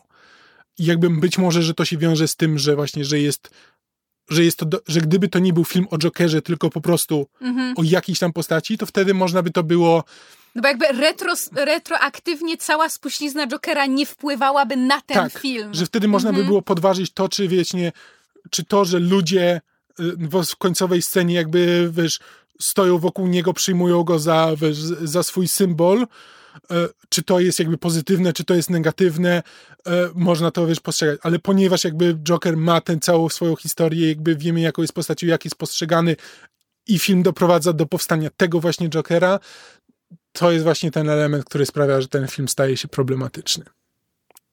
Być może. Tan, tan, tan. Osłabiając trochę na koniec ten. Tak. Tak, ale w każdym razie tak. I E, k- kończąc ten, y, te nasze długie omówienie, jestem bardzo ciekawa w związku z tym, jak będzie wyglądał nadchodzący film o Harley Quinn. mm, bo tutaj też mamy jakby dużą spuściznę, mamy poprzedni film, tę samą aktorkę w roli, inną Mhm. ekipę, trochę inne nastawienie, zresztą trailer e, do, do Birds of Prey e, się pojawił przed, przed Jokerem i to też nie jest tak, że to jest film tylko i wyłącznie o Harley Quinn, jest o jakby całej grupie, więc jestem bardzo ciekawa, jak, jak to będzie dalej wyglądało. E, to chyba tyle od nas. Tak. Szybko żeśmy się uwinęli. Tak, podsumowując, kapitalizm jest zły, nie można być e, moralnym e, miliarderem. E, f, Kill the Rich. tak, kill the rich. Wszyscy jesteśmy klaunami. Tak, mogę, mogę zaczerpnąć way, podcast Waypoint, e, czyli ten podcast Vice Gaming. A kończ, e, ostatnio zaczął kończyć swoje odcinki hasłem e, pieprzyć kapitalizm, idźcie do domu. e, Ponieważ prawdopodobnie słuchacie tego w domu, w związku z tym jesteście u siebie. E, to tyle od nas. E, liczymy na to, że w kolejnym odcinku dołączy do nas Krzysztof. Mam wrażenie, że Krzysiek słucha odcinków Myszmasza, w przeciwieństwie do pozostałych prowadzących. Em, I być może pójdzie na Jokera, wysłucha tego odcinka i będzie miał coś do powiedzenia od siebie w kolejnym. Zobaczymy. E, natomiast to tyle od nas. E, jak zwykle zachęcamy do kontaktu z nami. Chociaż mam wrażenie, że po tym odcinku nie muszę tego mówić, bo w, w komentarzach na YouTubie prawdopodobnie będzie jakaś straszna gównoburza. Haha, we live in a society. ja. Niemniej e, zachęcamy do, jak zwykle do kontaktu z nami. Możecie nam wysyłać maile na myszmasz e, podcastmałpa.gmail.com albo myszmaszmałpa.podsłuchane.pl e, Możecie nas szukać na wszystkich social media e, na fanpage'u podsłuchane.pl zostawiać komentarze pod tym filmem na YouTubie ścigać nas wszystkich byle delikatnie e, osobiście na social media, czy to na Twitterze, czy to na fejsie, czy jakichś innych e, miejscach. I to tyle. Tak, jeśli, jeśli, jeśli mało wam e, e, lewicowej propagandy, to zapraszam na swojego Twittera, Tak. na @kamborek. Tak, e, jeżeli mało wam e, naszych głosów, a ewentualnie chcielibyście zobaczyć nasze pyszczki, to też zachęcamy do oglądania, e, słuchania slash oglądania sesji na podsłuchu, czyli jednej z naszych innych produkcji, gdzie gramy w gry RPG i wspólne, wspólnie snujemy e, różne ciekawe historie w e, fajnych światach. I to tyle. Dzięki za uwagę i do usłyszenia w następnym odcinku. Cześć! Na razie. Oh Jesus! Wow, okej, tego się nie spodziewałem. Ja też nie! Z drugiej strony, you know what? We should have. Bo jakby abstrahując od tego, że to jest film o Jokerze, like, you know, our, our leftists, you know, SJW hearts, like, Tak, how did we not see this coming? tak ale to, to jest jak, jak zwykle się okazuje, że mi się wydaje, że e, w sumie nie mam tak wiele do powiedzenia, tam mam parę przemyśleń, ale, ale w sumie to ten film tak e, nie jestem przekonany, czy on mi się do końca podobał, a potem mam dwie godziny przemyśleń na jego temat. Ja nie wiem, jak to się dzieje. Good going us. No, Jeść! no tak, zjedzmy coś. Jeść.